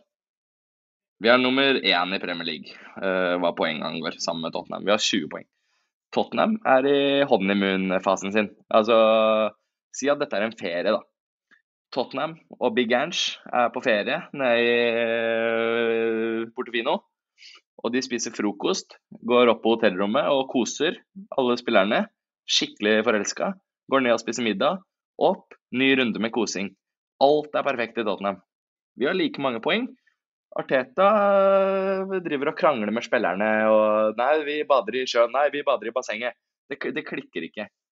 Altså, ta, altså, taket vårt er så skyhøyt, Magnus, i forhold til alle andre. Og gulvet vårt er så latterlig mye høyere også enn alle andre. Eh, at her må vi få lov å Altså, her må vi bare erkjenne at her har vi kommet bra fra en rufsete start og se framover. Rice har starta mye dypt aleine for å akkommodere Havertz høyere i banen. Det har åpenbart ikke funka, og de offensive tallene er deretter. I dag, eh, spesielt med, altså med, Party, men med Jorginho også, så er Rice høyere i banen. Bruddene hans kommer høyere i banen. Eh, egentlig hele Arsenal kommer høyere i banen. Få inn Saka der også, Jesus sentralt. Og med da Party, som kommer til å spille mye, og Rice høyere i banen enn han har vært i åtte runder så kommer det her til å se dritbra ut. Eh, jeg er ikke noe redd for det i det hele tatt. Eh, eh, så den diskusjonen kan vi gjerne ta, og jeg tror vi er ganske enige. Men poenget her er at dette blir ikke 38 runder hvor det lugger offensivt for oss. Her, her, har vi vært utrolig dyktige i, i, en sesongstart hvor Rice ikke har spilt i den venstre åtteren jeg tror han er tiltenkt. Havertz ikke har spilt høyere i banen, som jeg tror er planen hans framover. Og Timber røk av selen. Så altså Etter landslagspausen nå så tror jeg vi får mye bedre offensive tall, er min spådom. Så kan du svare på det, selvfølgelig. Jeg syns det er veldig viktig poeng det du, du, du fremmer med, med Rice høyre i banen. Jeg syns han var voldsomt god på å, å bryte høyt i dag. Um, uh, mitt poeng er heller at det vi gjør med, med ballen etter å ha vunnet høyt, er uh, ikke bra i det hele tatt, egentlig. Jeg syns vi spiller en ganske sånn svak offensiv kamp mot et, et City som beviselig ikke er like gode uh, uten Rodry. Og så hever de seg selvfølgelig i en sånn kamp. og taktisk sett så igjen, jeg er veldig imponert. Jeg er imponert over byttene, jeg er imponert over defensive og spesielt defensiv omstilling. Kjempebra. Men det er ikke sånn at jeg sitter her i dag og tenker at nå har vi knekt koden offensivt. Det har vi snakka om i mange episoder. og jeg, Veldig, veldig aktuelt etter Bournemouth-kampen, hvor folk begynte å snakke om at eh, ketsjup-korken har spredt, liksom. Vi, vi har eh, tre dødballskåringer og en tverliggerassist. Eh, det var en, en, match mot et Bournemouth som er klink nedrykksform, og hvor vi fremdeles ikke skårer fra åpent spill. Vi har fem mål fra åpent, det er jo seks nå da, fra åpent spill hele sesongen. Og Der er det forbedringspotensial. Men jeg, jeg syns det er veldig interessant det du sier med Vinner du ballen høyere, så, skaper du mer ubalanse hos, hos, motstander. Og kanskje er det problemet vårt. Eh, at vi, Spesielt etter Rajas inntreden så spiller vi veldig dypt. Så oppbyggingen går ganske sakte. Eh, og distribusjonen til Raja har vært ganske svak, rett og slett, eh, sånn totalt sett. Og det våpenet har på en måte vært nøytralisert gjennom egne svake prestasjoner. og jeg syns vi har uh, veldig mye å gå på offensivt også i dag. Men i dag så syns jeg jo òg at vi skal unnskylde det litt. Grann. Uh, ikke bare litt, grann, veldig mye. Når du har de to spillerne som har mest X-faktor offensivt, så er det vanskelig være Ødegaard òg. Når ikke du har en sak å kombinere med, og en Martinelli som går på de bakromsløpene. En Ketia som kanskje av og til kunne ha vært mer påskrudd. Det er vanskelig å si. Men uh, jeg syns vi fremdeles, sånn evolusjonsmessig, kanskje mange, altså det, Kampen der er litt sånn i særstilling for at det er en toppkamp og det er en taktisk batalje mellom to eh, legender Nei, ikke en, genier er kanskje dette eh, begrepet, som kjenner hverandre godt. Da er det vanskelig.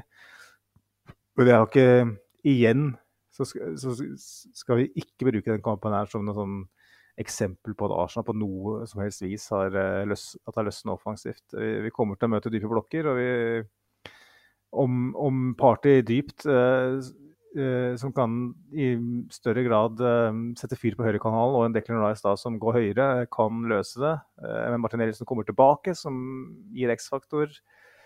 Jeg tror det kan løse det, absolutt. men jeg syns ikke vi på noe som helst vis kan si at uh, nå uh, ser vi et Arsenal som uh, maler som en katt offensivt. Det er jeg helt enig i, Magnus. Selvfølgelig. Det hadde vært rart å ikke vært enig i det. Men nå var det aldri City på Emirates som skulle snu den pendelen heller. Uh, altså Forrige sesong, når Pep begynte med en bakre firer bestående av bare midtstoppere, så reiste alle øyenbrynene seg. Han gjør det samme i dag. Ake, eh, Guardiol, Diaz, Walker.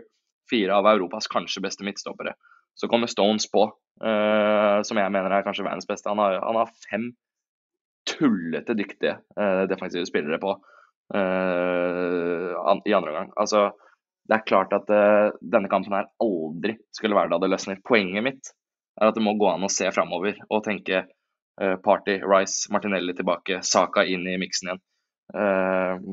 Så er det ikke noen grunn til at det her ikke skal gå. De har, altså, Savna Shaka er ikke så utslagsgivende på XG-en at vi skal skape så lite over 38 kamper. Matten vinner alltid den, og matten er at vi kommer til å produsere mer. Er min eh, take på det her. Men så er vi jo i bunn og grunn enige her. Så det er ikke noe, ikke noe diskusjon sånn sett. Men jeg bare syns vi må belyse de vanskelighetene vi har hatt i starten her med å integrere Havertz med å ha skader på forskjellige tidspunkt og samme tidspunkt. Ja, matten vinner alltid, sier Sivert. Og, eh, og det er jo eh, en, en, fin statement det er fra, den yngste i, i poden. Um, vi, vi, ser jo da, nå har jo vi nevnt målet litt, Magnus, mens du tok deg en liten dopause. eh, med at det er alle fire som, som Arteta eh, setter innpå, som er eh, Arteta sin rokade, for å ta et sjakkbegrep. Så, um, så han, eh, han kjører rett og slett eh, fire bytter. Han eh, får uttelling, får målet. Taket på Emirates eh, løfter seg, og, um, og det, det er jo kaos eh, i, i det sekundet der. Jeg, eh, for å nevne det som jeg starta podden litt med her, eh, min første kamp var City på Emirates i 2015, 2-1. Eh, Jeg husker veldig godt eh, for så vidt eh, opptaktene til kampen, åssen det var underveis, eh, og ikke minst hvordan det var etter eh, City fikk det 2-1-målet. Eh, Det var nervepirrende siste. Og, og den eksplosjonen når fløyta går etter, etter ferdigspilt, så, eh, så, så var det bare det var, det var følelser, det var lyd eh, for det meste. Og, og em, jeg har eh, en kompis som jeg spiller fotball med, som, som var på stadion i dag. Eh, det var lyd, kunne han melde. Eh, det, var, eh, det var heftig både når målet sitter og når eh, fløyta går på siste der. Em, nå, nå, skal vi, nå skal Magnus òg få lov å prate litt om selve målet, for det har han ikke fått så veldig mye lov til, litt pga. valg av pause. Men, eh, men eh, Magnus, når, når Martinelli setter den via panna til Ake der, når, når den går bak en Ederson som er på tur andre veien, når, eh, når Aiteta endelig får utløp for, for frustrasjon i, i eh, 80 minutter, hva, hva skjedde på, på Løten da? Nei, det er jo bare et kvarter siden, føler jeg. Så det kan jeg godt eh, Det har frist i minne. Eh, Jeg har barn som sover i huset, så jeg måtte eh, puste og pese litt sånn som. Eh, Men det var en sånn liten del av meg som tenkte at etter å ha sett Arsenal spille toppkamper i nesten ti år, på en måte, så det er en liten del av meg som tenkte at holder det her, da? Eh, ikke at jeg ikke stoler på, på spillerne og sånn, men man blir jo litt prega av alt man har opplevd. og blir litt sånn Det er fortsatt eh, en del minutter igjen eh, av ordinær tid, og for alt du vet så kan det legges til 7-8 minutter her. Det, jeg føler ikke at man har noe sånn derre eh, belegg for å si hva, hva som man kan forvente, egentlig. Det er vanskelig å, å spå. Så mm, det var, eh, veld, det var kjempejubel, men, en- men selvfølgelig litt, litt, lite forbehold. Og eh, veldig imponert over måten vi ro- ror i land på. og det er liksom som jeg skrev til dere på chatten eh, rett etter at min match var ferdig, eh, min versjon av eh, matchen, at Arsenal spiller jo ikke så kjedelige toppkamper. Det er som regel, eh, hvis Arsenal vinner en toppkamp, så er det drama og jævelskap og hjerteklapp og alt som er. United hjemme i fjor f.eks., eh, og i år eh, kan du også si. Eh, eh, du har Tottenham-matcher, du har vært full fire i teltet, du har litt, litt sånn som hjem, litt sånn klassisk Arsenal på hjemmebane siste året. Så er toppkamper som regel drama. Og mot de aller, aller beste så pleier drama å ende med ende i favør av eh, motstanderen. Eh, City er kanskje det ene laget, men eh, vi har jo Liverpool f.eks. hjemme òg i fjor, hvor Martinelli skåret etter 40 sekunder eller noe sånt. Og det, det ble jo relativt hårete, faktisk, det òg. Selv om Liverpool var da ekstremt dårlig borte. Så jeg ble så utrolig positivt overraska over måten vi evna å bare nesten leke litt sånn Det var litt sånn kattens lek med musa, altså. Siste, som jeg nevnte tidligere, når Raja endelig begynte å treffe på de lange, eh, opp til Havers, opp til eh, Jesus, eh, tar han etter cornerflagget der, eh, klarer å skaffe ned innkast. Eh, og, og så selvfølgelig, da er jeg kjempenervøs. Jeg gikk jo altså jeg, jeg, trava frem og tilbake på stuegulvet og drakk sikkert 40 liter vann. Jeg var så kjempenervøs, men samtidig var det en del av dem som tenkte at vi er jo ikke trua her. Det skaper jo ingenting. OK, Rodri er ute og De Bruyne er ute, men det er, det er verdens aller beste spiss som spiller på måned. Kanskje, kanskje tidenes sykeste nier eh, løper rundt på topp der. Du har eh, en Mateos Nunes som sånn i etterpåklokskap tenker Pep Guardiola tenk, tenker at han burde ha starta. For at han var den ene spilleren som klarte å penetrere Arsenal sentralt. Eh, hvor Kovacic var altfor het og helt ute av det. Så var Nunes altså, eh, Citys beste i mine øyne, selv om han bare spilte noen ja, halvtime, kanskje. Og måten vi bare riddet ut, på en måte. Jeg har sett Arsenal vært mye mer stressa mot Bournemouth og mot eh, Sheffield United si, enn det var mot Manchester City. Altså, selvfølgelig, ja, Rodry er ikke der, liksom, som jeg sa, men det her er verdensklassespillere i hvert eneste ledd. Eh, og med alt som står på spill, med historikken på Emirates, hvor vi har gitt bort veldig mye gratis, så er jeg både overraska og veldig positivt uh, innstilt etter å ha sett Jeg føler at det her kan være et kanskje et lite vendepunkt på hjemmebane. At vi viser at vi, vi, vi må ikke være så emosjonelle. Vi må ikke uh, bli så prega av anledningen. Altså, vi blir prega av anledningen mot Southampton og, og Bournemouth, liksom. Uh, kan vi da begrave det spøkelset med å ikke bli prega av anledningen mot uh, verdens beste fotballag? Ja, det er jo et veldig interessant poeng. Eh, vi kan nevne det at eh, for ca. to-tre minutter siden så kom det ut at Declan Rice er stemt fram av Arsenal-fansen til eh, Arsenals man of the match. Eh, og så må vi jo òg nevne at som du ser, Magnus, når, når, vi, når, vi, får det målet der, og så er det en liten sånn baki der at oi, vi har gitt bort ting før på overtid har vi gitt bort ting eh, for ikke så altfor lenge siden. Eh, så, så, det er liksom litt sånn eh, Skal vi stå og løpe ut? Eh, jeg kan jo nevne at når, når den eh, ballen går i kassa og, og eh, vi får den 1-0-skåringa, så Jeg har jo et, et, barn på vei, og hvis ikke hun kommer ut med nervøse røkninger, så skjønner jeg ingenting. for Lydnivået var høyt fra pappa Larsen her oppe. min frue satt på sida av meg og så kamp. og både hun og hun eh, la, la, seg litt grann bort fra meg i akkurat det feiringsøyeblikket der. For eh, da var det både først i stående og så i knestående, og det var, det var roping eh, i, i, sikkert tre minutter i strekk. Eh, jeg var nesten usikker på om jeg måtte melde pass etterpå, for stemmen var relativt dårlig etter, etter den feiringa. Eh, og så, så er jeg som deg, Magnus, eh, brent barn. Vi har, vi, har, sett det her før. Vi har sett at vi kanskje blir litt for emosjonelle, litt for høyt i toppen når når ting eh, betyr noe. Og så er det faktisk sånn at eh, etter to-tre minutter så var jeg relativt nedroa. For du ser hvordan vi har tenkt å takle det her. Eh, det, er ikke, det, er ikke, mer enn et, eh, et lite år siden så hadde det her vært Rob Holding inn, eh, vis eh, tre bak og, og kom inn der. Um, men, men det, det, blir ikke sånn. Vi, vi, fortsetter å spille med samme premissene. Vi, vi fortsetter å stå sånn som vi har gjort. Vi fortsetter å, og, og, det er jo som du ser, Magnus, etter det så blir vi jo faktisk ganske leken. Det er flere fine kombinasjoner ute på sida der, og, og, og, flere fine detaljer både fra Ødegaard og, Jesus og, Havertz eh, som er flink å holde i ball, og Martinelli som, som, tar et par løp og i det hele tatt. Altså, vi, vi viser at, at vi har ikke tenkt å skåre 1-0 og så 11 mann i forsvar, og så stå det her ut med ryggen mot veggen.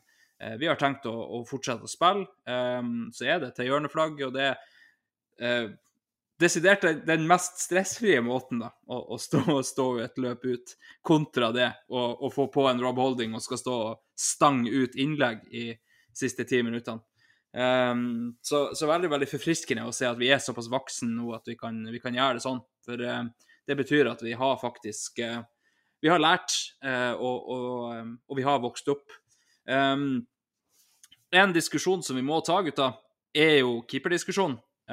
Etter et forsmedelig tap i midtuka mot et veldig godt RC Lance, um, der vi var godt under pari, så, um, så var det flere som tok til orde for at Raja skulle byttes ut.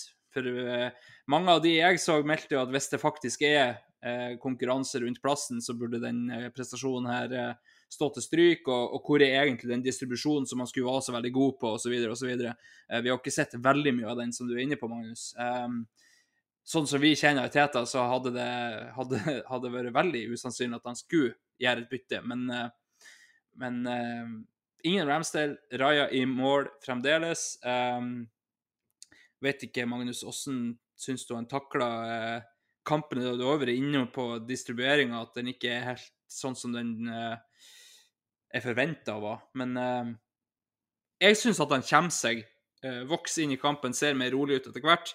Har jo en ganske stressa situasjon med Alvarez der i første omgang i tillegg. Men hva tenker du, Magnus? Er han eh, friskmeldt etter i dag?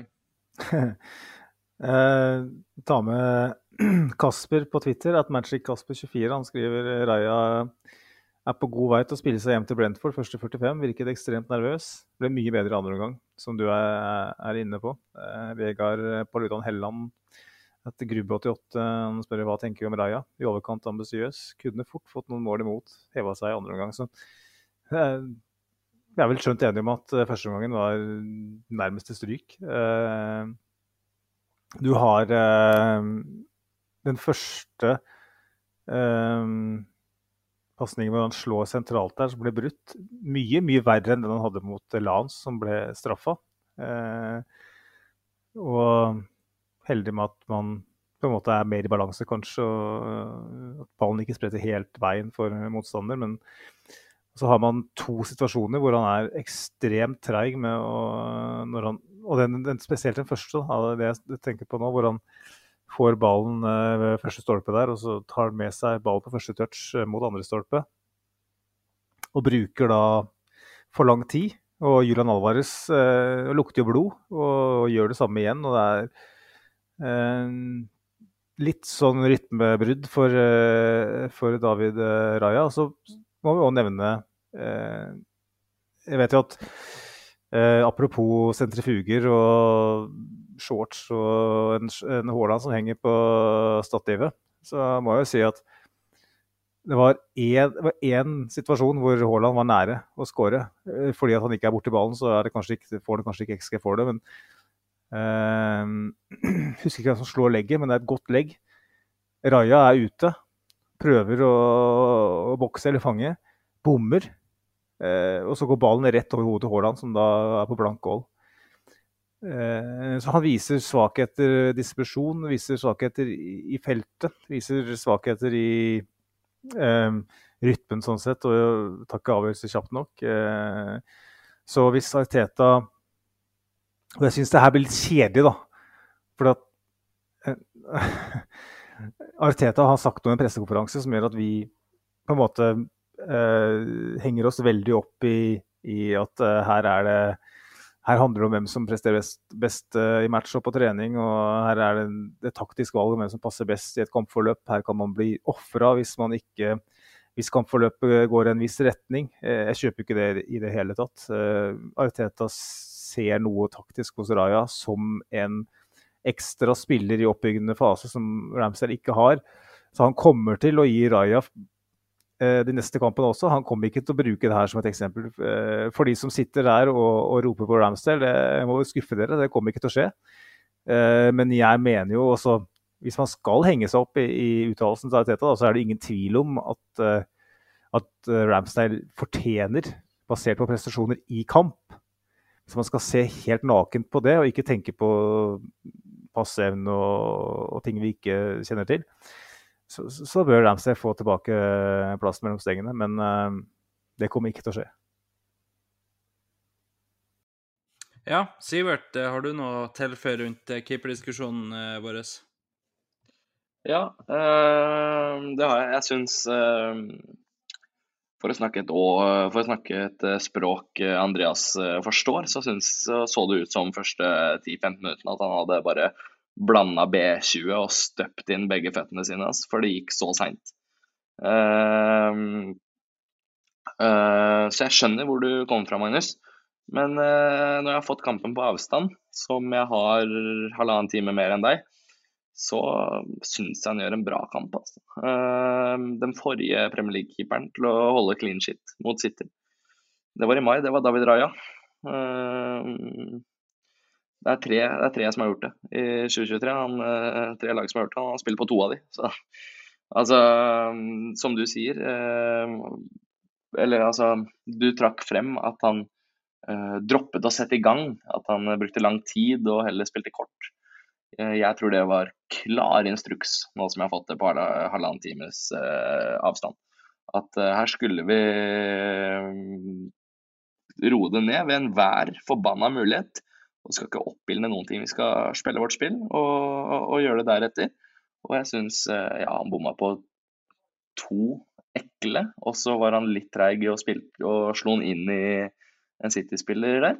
Men utover de tre involveringene så syns jeg han uh, gjør en bra kamp. Han, er, han, han uh, bokser i feltet et par ganger, han holder i feltet de andre gangene. Veldig sånn uh, Har veldig ro i spillet sitt. Og etter Havertz kom på, så er, spiller han jo til ti på børs. Så jeg, synes, jeg ble klokere på Raja i dag, faktisk. Um, ja, det er det jeg har å si om denne saken. Ja, Magnus, du har handa oppe. Det har jeg faktisk. Uh, kjøper argumentet veldig godt, Sivert. Jeg, men, jeg mente jo ikke å si at det ikke var planlagt. uh, at den ikke gikk langt. Vi har jo sett det i flere matcher med Raja. At han, eh, han som jeg sa, at han går nesten utenfor boksen og blir en ekstra utespiller.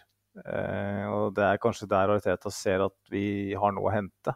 Eh, ref at jeg tenker at han kommer ikke til å bli ofra. Eh. Og det at han blir bedre når Havers kommer på, et sterkt argument. Uh, det gir han bedre arbeidsforhold.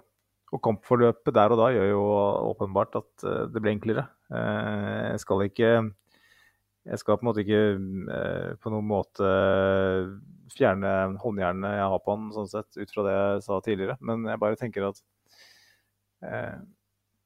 skal man bruke skal man ha en keeper som er så ekstrem på de lange igangsetningene, så må man for faen meg ha en som man kan spille på òg, da. Eh, og det syns jeg vi ikke hadde i, i første omgang, spesielt sentralt. Jeg syns Jesus, Jesus Jeg tror vi undervurderer han litt på kanten sånn sett. Han, han, kan absolutt ta imot en ball der òg, men jeg føler at dynamikken gjør at det å ha en sentralt eh, med, med, noen bier, bier summende rundt eh, åpenbart gjør jobben til Raja mye lettere.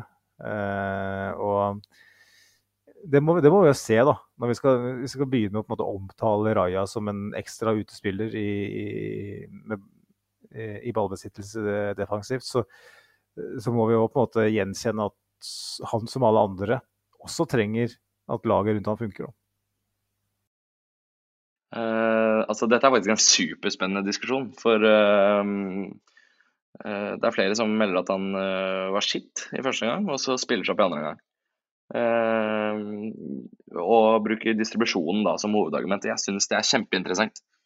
For i første omgang så treffer han på 78% av pasningene og, og, går i garderoben. Og, og, man tenker hva er det vi har henta her?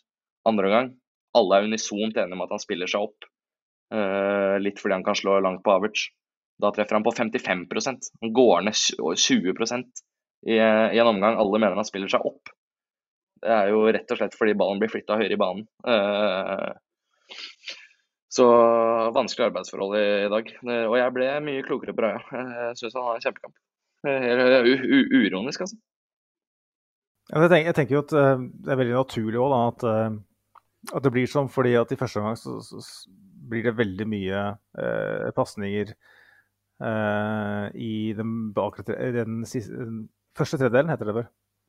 Noen ganger så blir jeg for engelsk i tankegangen, så jeg leter etter de norske orda. Eh, men det blir veldig mye småspill på i egen tredjedel i første omgang. Og i andre omgang, spesielt etter at Havertz kommer inn, så blir det pumpa mye langt. Eh, og det er litt fordi jo at City, etter at Arsenal hadde en god start på andre omgang, eh, så begynner City å få et overtak. Og da veldig naturlig at Havertz kommer inn. Og da er det, det er klart at selv de, de, lange ballene som ikke på statistikken ender opp med treff, eh, er jo gjerne en andre ball Arsenal vinner. Eh, for at man har den fysiske tilstedeværelsen på topp. Så jeg, jeg føler jo at det handler litt om, om pasningsvalgene som gjøres. da. Og i første omgang så syns jeg han De få gangene han prøver å slå langt, så bommer han. Eh, rett og slett for at han har ikke Altså, det må jo også si, da. Så det handler ikke bare om hvem som er på topp. Han, slo jo ball utenfor sidelinja et par ganger der òg. Eh, og den, den jeg nevnte òg, hvor han slår sentralt rett i, i beina på en City-spiller. Så jeg syns argumentet om at han spiller seg opp, er er gyldig, altså. Jeg, jeg syns det. Jeg syns han er mye bedre andre omgang og får vist hvem han er litt i, i, i andre omgangen der. Um, så ja, jeg håper, jeg håper at, uh, at det gir han selvtillit, og jeg føler liksom at, uh, at Kai Havertz, da, som på en måte har uh, sittet med knestående med sånn svart og hvitstripete dress uh, på mange måter, eh, med, med håndjern. Han, han, er jo på en måte Jeg følte at det er, det er, vanskelig for han å finne noen vei ut av problemene. Uh, veien hans ut av problemene er linka litt til David Raja, på en måte, hvis han skal være keeper. Eh, hvis han kan løse den rollen eh, på den måten. Så, og det å ha da en, en David Raja som er så ekstrem på å slå de lange, spennende, spennende dynamikk. Ja, så skal jeg hive litt bensin på det her bålet, for uh, Sivert nevner jo at han uh, han har jo da uh, clean sheet og er en av de to siste som har gjort det. Og så syns jeg jo ikke kanskje det bærer Raja sin fortjeneste i dag. Han, han, får fire skudd. Ett av de på mål. Det er det han får imot seg i dag. Um, så, så, det skal mye til Forsvaret. I tillegg så er Raja direkte involvert i to av de farligste situasjonene som City har. Eh, den første dødballen, der feilberegna Raja litt, er på tur ut i feltet, som gjør at han kommer på etterskudd når han må tilbake igjen. Heldigvis kommer ikke den avslutninga på mål. Eh, og, eh, og, da den situasjonen som er med Alvarez, som, som gjør at han han Ja, det er rett og slett bare flaks at den ikke går inn når, når han får blokkert pasninga der.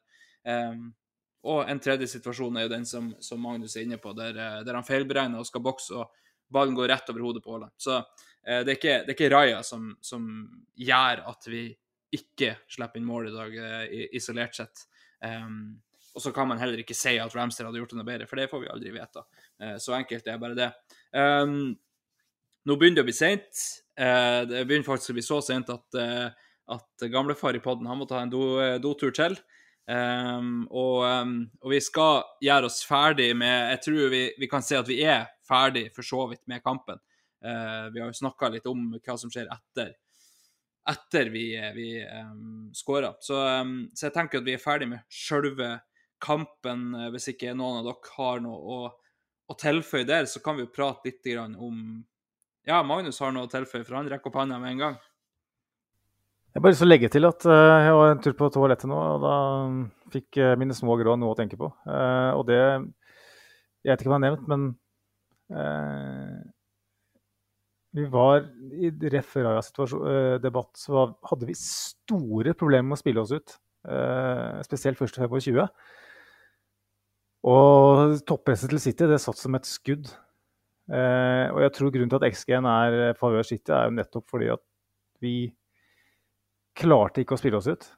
Eh, og Derfor satt jeg og ropte på Havertz eh, veldig tidlig. Eh, og det var sånn eh, litt, litt, det jeg sa. Jeg bare ta til slutt. liksom at Dette er en kamp hvor vi vinner på en deflection. Det er en kamp vi lett kunne tapt. Jeg syns det er viktig at vi på en måte ikke henger oss opp i resultatet og lar det på en måte farge måten vi analyserer det på. Jeg syns det er en kjempegod kamp mot Manchester City, rett og slett for at det er verdens beste lag. Men at det vinner her, det, det er litt marginer. Selv om vi kan ta den dommersituasjonen med Kovacic og sånn og, si at vi burde ha vært 11 mot 10. Men sånn rent spillmessig så er det en kamp vi lett kunne tapt. Den sjansen til uh, Akay der på, etter tre minutter eller noe sånt, det, så jeg har lyst til å bare si at jeg syns ikke vi Jeg syns City hadde et veldig godt toppress som gjør at vi fort kunne rota det til for oss sjøl. Altså. Eh, det jeg liker så ekstremt godt, er at vi gjør dette til en møkk kjedelig match. Eh, match. Eh, og, og, en marginal match. Og i stedet for å på en måte eh, spille på Citys styrker, da, sånn som vi gjorde det tidligere det, det året her, for så vidt. Med, med, å på en måte la City kom i overtall sentralt midt på banen eh, når vi står høyt og alt sånn. masse dritt vi gjorde i de kampene der. Eh, så syns jeg det er en høyst ordinær kamp Arsenal med ball. Eh, men uten ball så er det her i en toppkamp akkurat det vi må ha for å kunne vippe eh, ligatittel vår vei. Så absolutt. Um, og, og, det er det er de her kampene som, som, på en måte definerer sesongen til slutt. Um, når vi skal snakke om de stegene vi har tatt, så er det det at vi ikke går ut i 100 og prøver å, sjokkere City, for uh, vi har sett hvordan det går. Uh, I dag så tar vi kampen på, på, både våre og deres premisser, og så, um, så kommer vi ut av den uh, med marginene på vår side, absolutt, som du sier, Magnus. Um, men, men, som jeg nevnte nå når du var på, på toaletten, så så får Raja fire avslutninger imot seg, ett av de på mål i dag. Så um, vi har veldig god kontroll defensivt. Så jeg vil si at uh, et uavgjort hadde absolutt ikke vært uh, sjokkerende i, i, dag. Skulle vi ha tapt, så, så, uh, så, hadde ikke det vært sjokkerende heller. Vi vet hvor effektiv City er. så, um, så det, er, det er sånn at vi, vi vi sitter igjen etter denne kampen med, med, like mye lettelse som glede, tenker jeg.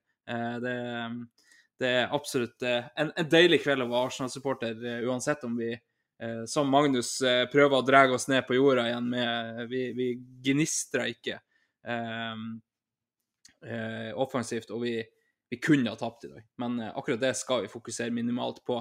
Eh, jeg tenker at vi, vi, går videre, gutta. Nå er det jo to ukers landslagspause. Vi skal ikke spille igjen før 21.10.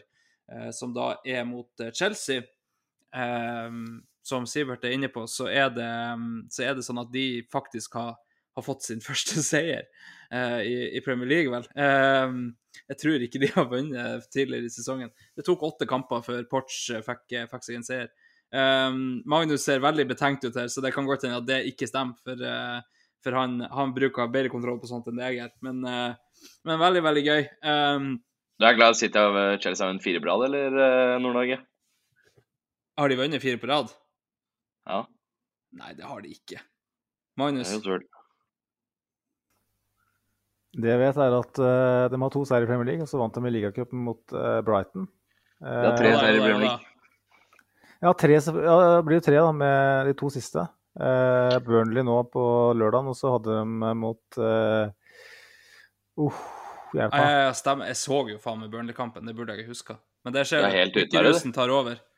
Er det så mye støv nede i de gruvene at du bare blir helt gæren i huet ditt, eller? Det er antageligvis det, og så er det jo rett hjem og holde på med støv her hjemme òg. Jeg skører mye betong i helga, så det er mye støv Jeg skører mye betong. Jeg, jeg, jeg, jeg skør i mye betong i helga. Det er sjukt å si. Jeg, vet, altså når, når, Sivert høres mer ut som totning når han prøver på nordlending Jeg har skøret mye betong. Det, altså, jeg, der må jeg arrestere deg veldig, Andreas. For det, hvis du møter en totning som sier 'eg', da Jeg kommer ah, ja, okay, da, okay, da, okay, da. Det, er. Ah, det, det, er klassisk, det. Altså, hvis du har en sånn en liten, liten anelse av uh, innlandet-dialekt eller hedmarksdialekt Så er det totning. Er det totning? Jeg har vært uh, gjenstand for mye haske ytringer uh, i min tid som om, omflakkende, omflakkende drikkebolt. Eh, hver eneste gang jeg måte viser tegn til at jeg kommer fra Mjøsregionen, så er jeg fra Toten. Og det handler om eh, et bilhopphuggeri med noen eh, gamle sugger. Legende. Med, og det, det, er sånn, det, er sånn, kulturelt sett som gjør at alle tenker Toten. Da. Men men altså, Magnus, når vi snakker om dialektrasisme her, så når dere skal prøve dere på nordlending, så er dere fra Kirkenes plutselig.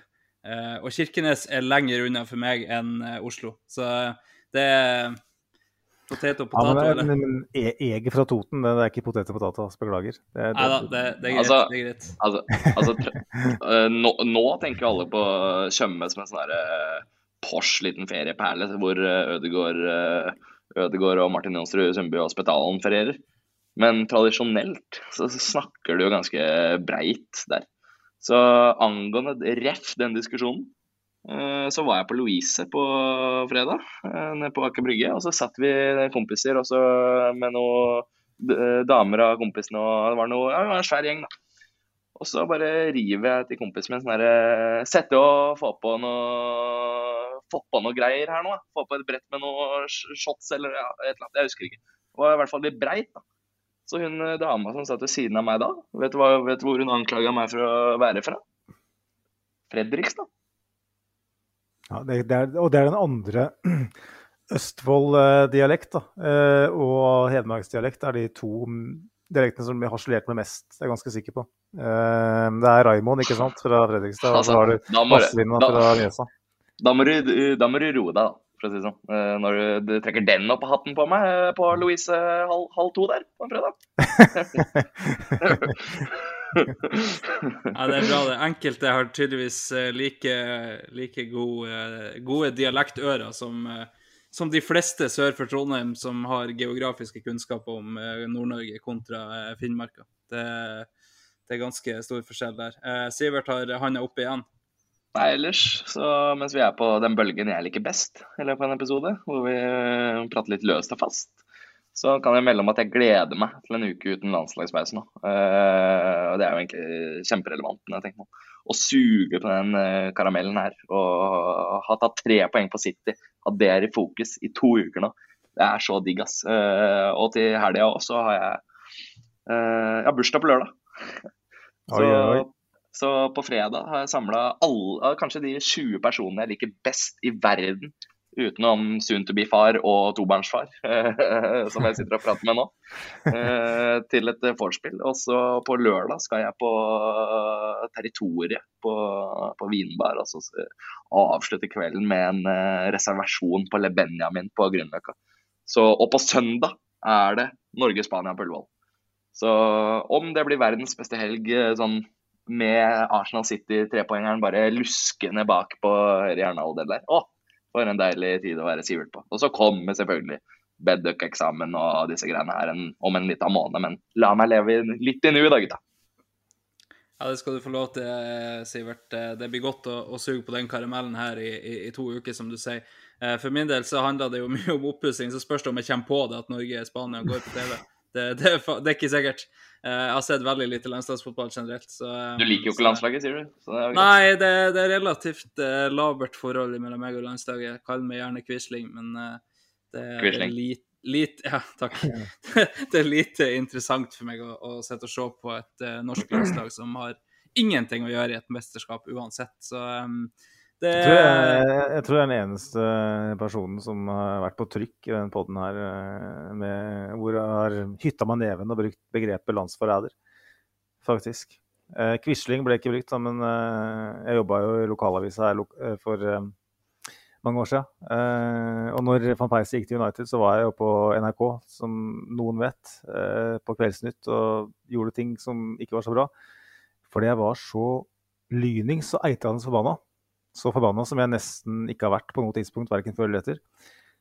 Eh, og det ble jo lagt merke til lokalt, eh, så da gløda jo den eh, Noka 3210 eh, på den tida. Eh, skulle jo ha tak i meg da. Og det ble stilt spørsmålet hvordan klassifiserer du van Persies overgang til, eh, til Manchester United. Da sa jeg det er det er det samme som landsforræderi. Det sa jeg med glimt i øyet. Eh, når du snakker i telefon, så er det ingen som ser det glimtet. Så det ble jo selvfølgelig da trykka opp og blåst opp på Østlendingen eh, sin sportsside. At eh, profilert Arsenal-supporter eh, i Norge sammenligner eh, van Persies overgang til United med landsforræderi. Det er sånn mediatrening. Det er, det er sånn, jeg har ikke vært gjennom det samme programmet mediatrening som Martin Ødegaard har vært, f.eks. Eh, jeg har ikke lært, lært det. Eh, I ettertid har jeg kanskje lært det. Men eh, det er jo Ja, altså, men eh, Nokia 32-tider, den den er fin. Jeg, en av mine oppgaver på, på jobb er å programmere radioer til de som holder på i gruva. Der har vi en god, gammel tastelås eh, på, på eh, tastaturet. Eh, samme oppskrift som på, på de gamle Nokiaen. Midt-knappen og så stjerne. Dessverre så er det faktisk sånn at flere og flere av de som begynner i gruva, de må lære begrepet tastelås. Eh, det, det er ganske kjipt, Magnus, eh, for, for oss som har hatt det i relativt mange år. Mine første sikkert fem-seks år med telefon, det var jo tastelås før, eh, før det begynte å komme touch. Så det er ganske, ganske horribelt. Jeg sendte jo et bilde tidligere til dere i, i gruppa med at dagens ungdom kommer aldri til å vite at Scotty doesn't know, for de som har sett Eurotrip. Men, men det er verre å ikke vite om begrepet tastelås, syns jeg.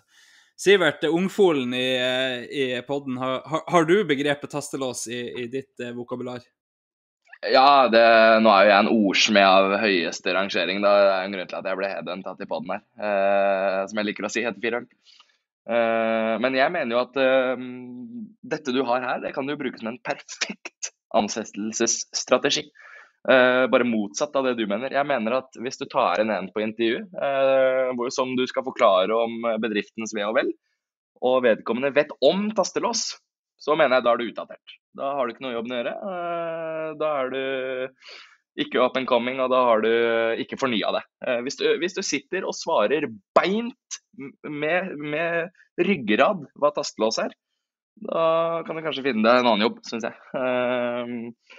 Ellers uh, er det også verdt å nevne at jeg sto i kassa på polet her for uh, to-tre dager siden. og det kommer en fyr bort til meg. Det, han vet jeg nevner dette på poden. du er Arsenal-fan, du? Ja, Arsenal-fan, ja. Nei, jeg, jeg serverte deg vodka tomatjus når du ba om vodka tranbærjus. Jeg har aldri sett en mann så sur. Sånn.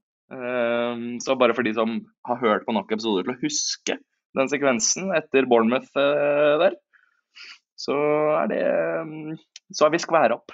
Vi er venner. Uh, jeg sa at det gikk fint. Jeg mente det ikke. Men jeg var i jobben i forrige. All is well in the world. Det, når Sivert er venn med bartenderne igjen, det, da vet du at, at ting fungerer. Uh, har vi noe annet vi må innom, gutter? Vi vet jo ikke, vi har ikke prata om egentlig hva vi skal i, i landslagspausen. Uh, Får satse på det blir en episode. Jeg syns jeg snakka mye om det. Har du glemt bursdagen min allerede? Men, men, men jeg tenkte jo det litt sånn, sånn podmessig, da. Hva vi skal i, i, i landslagspausen. Vi har jo ikke prata om det blir en episode eller ikke, så det får folk bare følge med på sosiale medier, tenker jeg. Uh, vi, vi, skal melde det der. Um, begge to opp med, med handa med en gang her. Det er veldig, veldig bra. Uh, prat samtidig. Det, det, bruker å fungere fint. Uh, Magnus, du var hakket før, så du kan få lov å starte.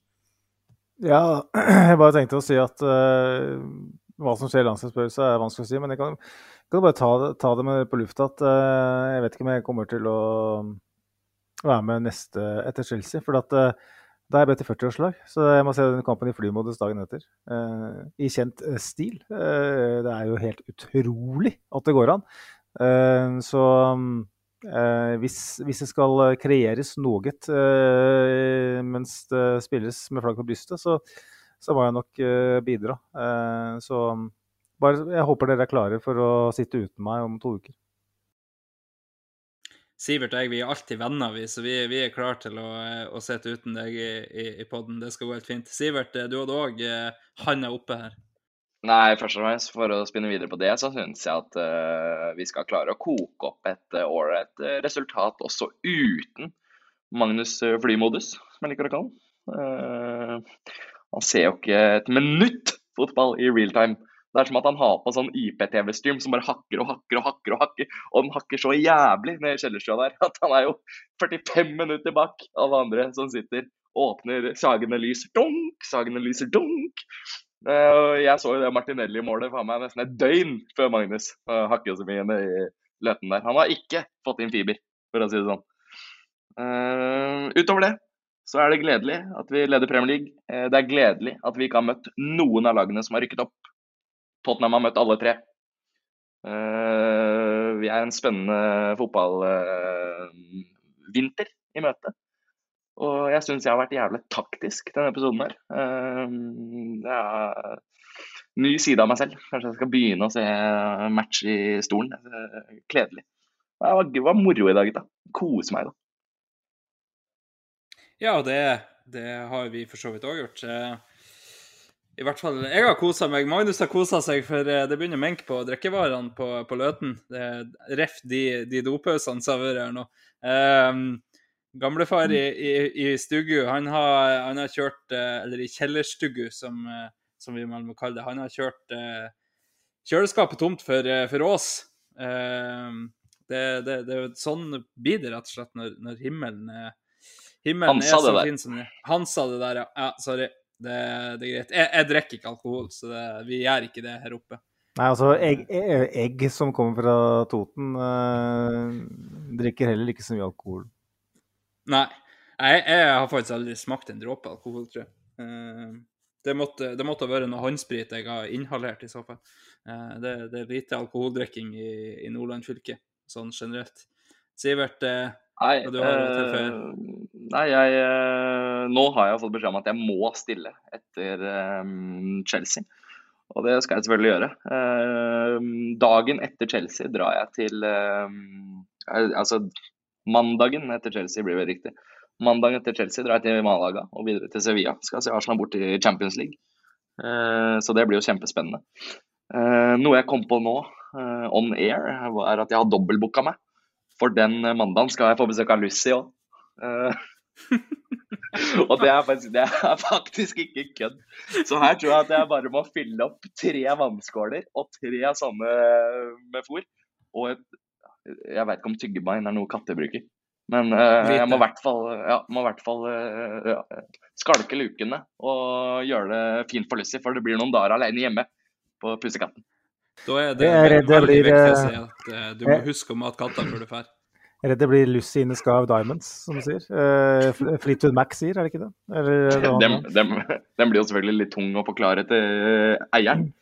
Men eh, Ja. jeg, tror vi skal komme, jeg tror vi skal komme gjennom det. Vi som har Nokia Altså- 3210, vi husker veldig godt den sangen. Men dere andre Ja. er problemet. Men, Jeg, eh, jeg bytta fra Nokia 3210 til Samsung Keystone 2, som jeg syns var hakket mer robust. Eh, Så eh, ikke tro at jeg er født med en iPhone, eh, Magnus. Jeg har aldri hatt Nokia i mitt liv, jeg bare følger narrativet. Men eh, jeg hadde, jeg hadde sånn Siemens som uh, Ah, støt da ikke fikk faen meg nevnt narrativ i dag òg, Magnus. Du har vært så Det er andre, det er andre gangen. Andre gangen. Nå, må- Er det nå må du våkne. Nå må du våkne. Ai, ai, ai. Ja. Du, er ikke, ikke, ikke fullfør narrativet om at han bare sier det, da.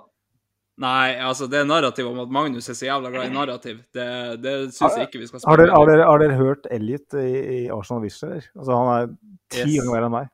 Yes, mye, er mye verre. Så jeg er jo på ingen måte Arsenal-podderen her i verden med mest narrativ. Men uh, klokka den tikker, gutta. Uten å ta på meg ordstyrerhatten som eldstemann eh, Nokia 3210 og Lucien Skav Diamond. Men Og IPTV som akkurat. ja, Tore Strømme på døra. Så, så det er klart at uh, vi, vi, kan, vi kan ikke Nå, nå er det så gærent her. Nå nå er det snart bare å si god natt. Uff, uff, uff. Nei, eh, jeg skal fullføre den ordstyrerrollen der, Magnus, eh, og så ser vi at, at det får være greit. Eh, Sivert, du må i hvert fall huske på å mate katta før du legger deg, eh, for eh, den skal være alene i noen dager, og da, da er det krise. Eh, ifra meg, nå skal vi prøve oss på sånn her ASMR. Det blir, det blir veldig deilig, gutter. Vi hørs! Oi, oi. Mag Magnus. Det var utrolig lite erotisk over det. Jeg velger å gå før Magnus her og gratulere Ben White med dagen og si god natt. Uh, rett og slett. Ha det. Yes. Og med min lite erotiske stemme, så, så får det være veldig greit. Magnus, ifra deg så skal vi til slutt ha et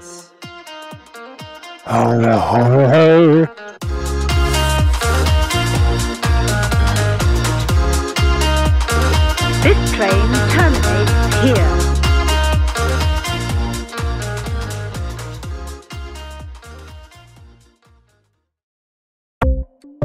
Ukens annonsør er HelloFresh. HelloFresh er verdens ledende matkasseleverandør og kan være redningen i en travel hverdag. Mange av oss har nok vandret i butikken både sultne og uten en plan for middagen, som ender med at vi går for de samme kjedelige rettene gang på gang. Middag burde være dagens høydepunkt. Som HelloFresh kan du nå velge mellom 25 ulike retter hver eneste uke, eller få HelloFresh til å sette sammen menyen for deg. Dette gir deg muligheten til å prøve nye og spennende retter alene eller sammen med familien. Du velger antall porsjoner og får alt levert på døren på et tidspunkt som passer for deg. Oppskriftene er enkle, og maten er lett å lage både for store og for små. Ved å få alt levert hjem får du også mer tid til å dele matgleden med familie og venner. Kanskje det frister med asiatiske tacos eller greskinspirert kylling? Da kan jeg anbefale deg om å gå inn på hellofresh.no. Her kan du bruke koden FOTBALL og få opptil 1779 kroner i rabatt på de første fem matkastene hvis du ikke har prøvd HelloFresh tidligere. Du kan også bruke rabatten hvis du har vært kunde og stoppet abonnementet ditt for tolv måneder siden eller lengre. Gå inn på hellofresh.no og bruk koden FOTBALL. Har du et enkeltpersonforetak eller en liten bedrift? Da er du sikkert lei av å høre meg snakke om hvor enkelt det er med kvitteringer og bilag i fiken, så vi eh, gir oss her, vi. Fordi vi liker enkelt. Fiken superenkelt regnskap.